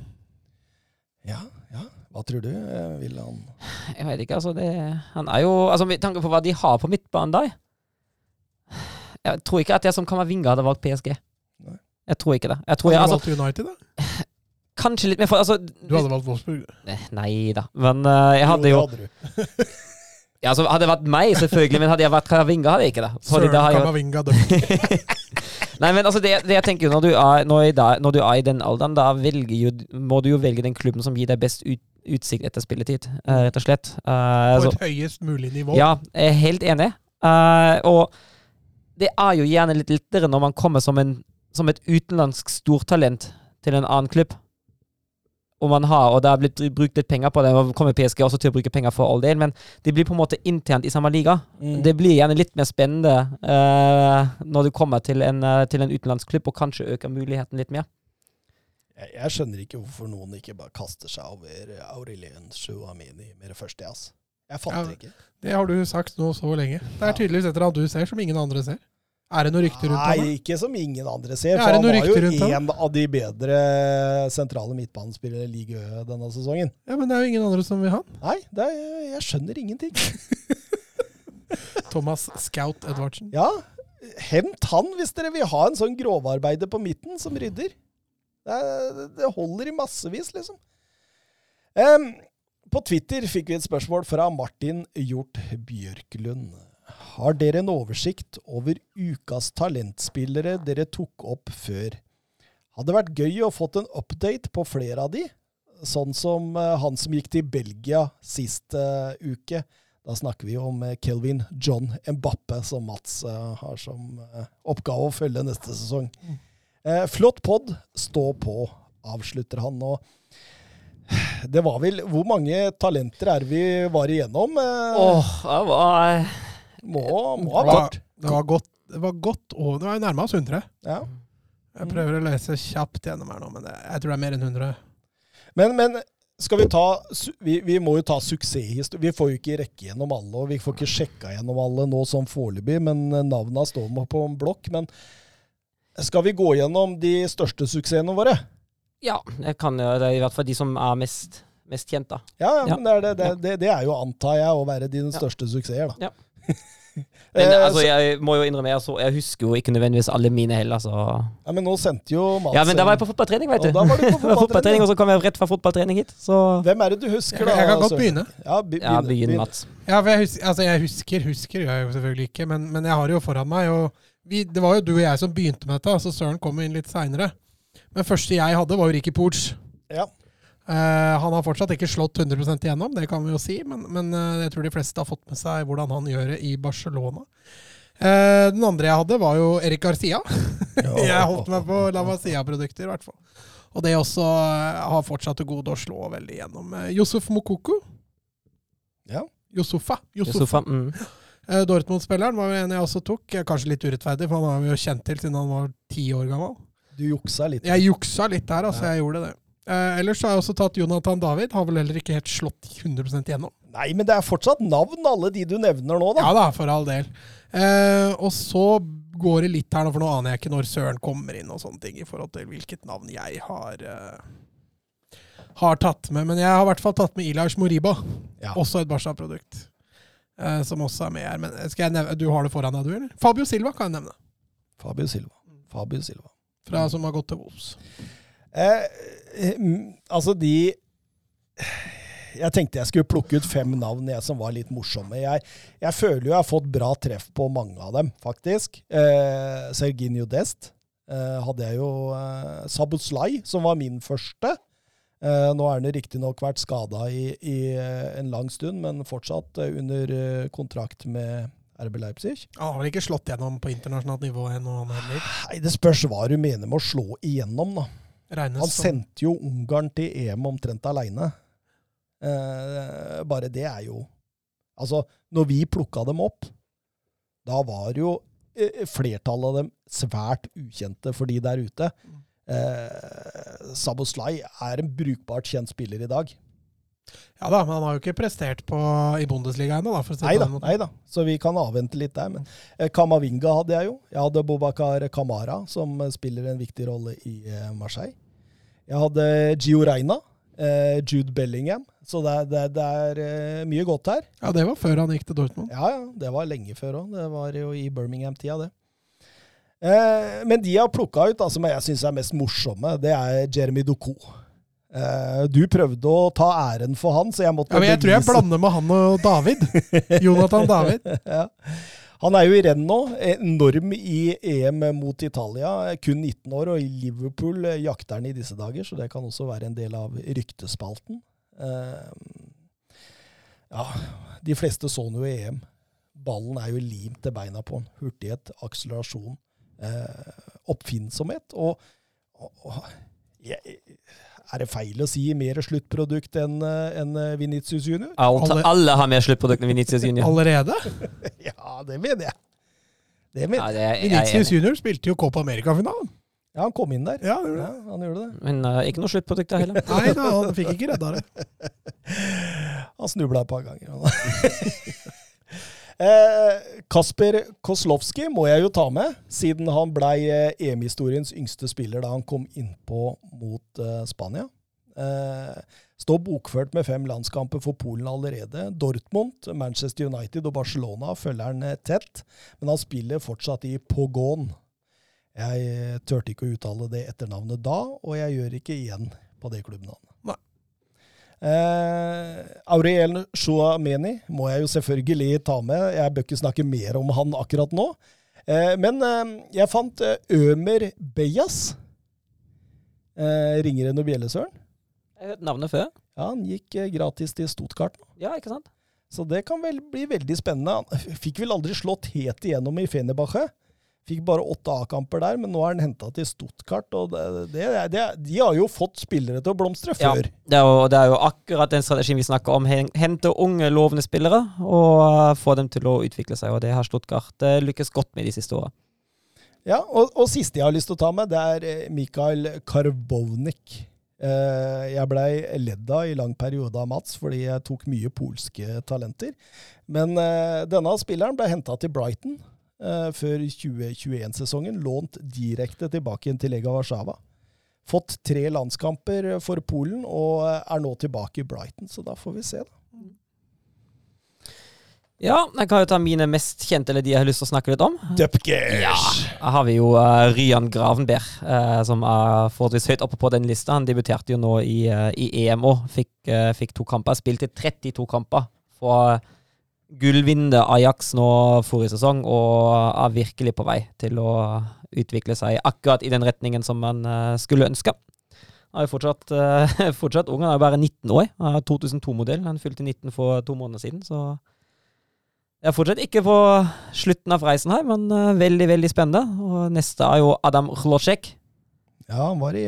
Ja, 15 mål i 19 kamper på øverste nivå i uh, Tsjekkia den sesongen. Og eh, debuterte også i EM. Og han, Uh, han følges nøye av toppklubber, han òg, men han har jo uttalt at dette her tar vi i riktig tempo. Vi tar dette her Nå steget er på riktig tid, og han er jo bare 18. Han fyller vel eh, 19, Stemmer eh, det. Det 19 var, uker. det var han som var så opptatt av å ta karrieren Ja. i steg. Ja. Ja, og han Ja, vi får se om han når han går til en, til en større liga, for det, det skjer nok forholdsvis snart, tenker jeg. Ja. Han, eh, han er med en god nok. Eh, Aaron Hickey kan vi nevne. Han gikk jo til, til Bologna. Han hadde et litt uheldig år. Han fikk elleve kamper i Serie A. Han starta jo uh, sesongen på venstrebekkplassen.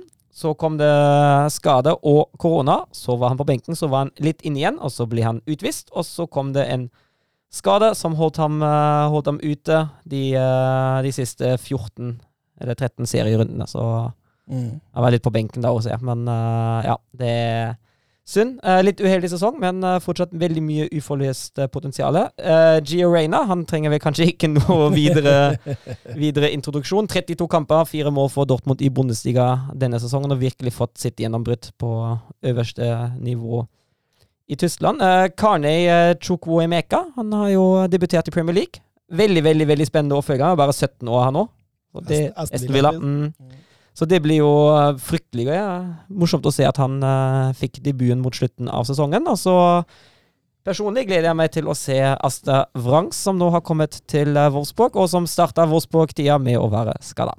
Stemmer det. Husker vi eh, stussa over det navnet. Aster Wrangs. Men. Mats, du kunne jo skryte av Jeg ser på Pedri ja, jeg. Pedri her. Men du hadde jo du, Skal vi se om jeg finner den her. Fordi du hadde jo også Kulusevski, du. Ja, Kulusevski hadde det. Stemmer. Så du kunne jo ha dratt opp litt flere navn enn det der, da. Jeg måtte jo Eh, bare lese fort gjennom. Men det Jeg tror det er flere navn her vi, vi etter hvert kommer til å snakke enda mer om òg. Ser det er jo fra den andre runden vi hadde. Der er de fortsatt Der er de fortsatt, altså Yusuf Demir var det vel du som dro fra, men Søren har jo Gavi i Basha. Han er jo Ja. spådd en vanvittig framtid. Mm. Um, altså det er jo mye, mye som ennå ikke har slått gjennom. Det er rett og slett mye snacks her. Reinier var det vel jeg som hadde. Ja, ja. Nei, det, er, my- det er mye bra her. Så det, det blir gøy å følge denne lista framover. Det kan jo godt hende vi kan eh, følge dette litt opp. Men vi, er- vi er jo veldig gode da, på at når det dukker opp disse spillerne underveis, så sier vi ja, han var eh, ukas talent. Mm. Så vi, vi er flinke til å skryte av hverandre. Så. Ja, ja. Mm. Vi begynner å nærme oss eh, veis ende. Ja. Eh, for det, denne vedkommende som lurte på om det var varmt i studio. Nå er det varmt! Men Trym snakka jo også om det, at det var litt dumt å svare på dette før vi hadde sittet her en stund. ja, fy faen. Nå er det grusomt, faktisk. Eh, Hørte dem dreiv på i harde mottak og på slutten av forrige og si at nei, jeg veit ikke om jeg orker mer, jeg, dette her, men eh, det, var, det, det, det er jo kult, da. Sitte i et uh, Altså, vi får jo liksom litt sånn ordentlig studiofeelingen her. Litt Mm. sånn ordentlig radiofeeling, ikke på eh, gutterommet til Mats. Nei. Nei, det er sant. Så eh, i leiten på å finne noe uh, nytt, så, så takker vi ja til dette fantastiske tilbudet fra Haremottaket. Ja, det syns jeg. Ja, det, selvfølgelig. Det Og er hy hyggelig at Trym her òg. utrolig trivelig. Mm. Eh, Søren, det var du som ble vist hvordan du skulle avslutte dette. Ja, skal vi si ha det til lytterne da? Vi kan, eh, hvor, hvor lang tid har vi brukt, forresten? Eh, to timer og fire minutter. Ja, Det var jo ikke mer av veien. Nei, det syns jeg ikke. Det var sånn det bør være. Ha det bra! Ha det.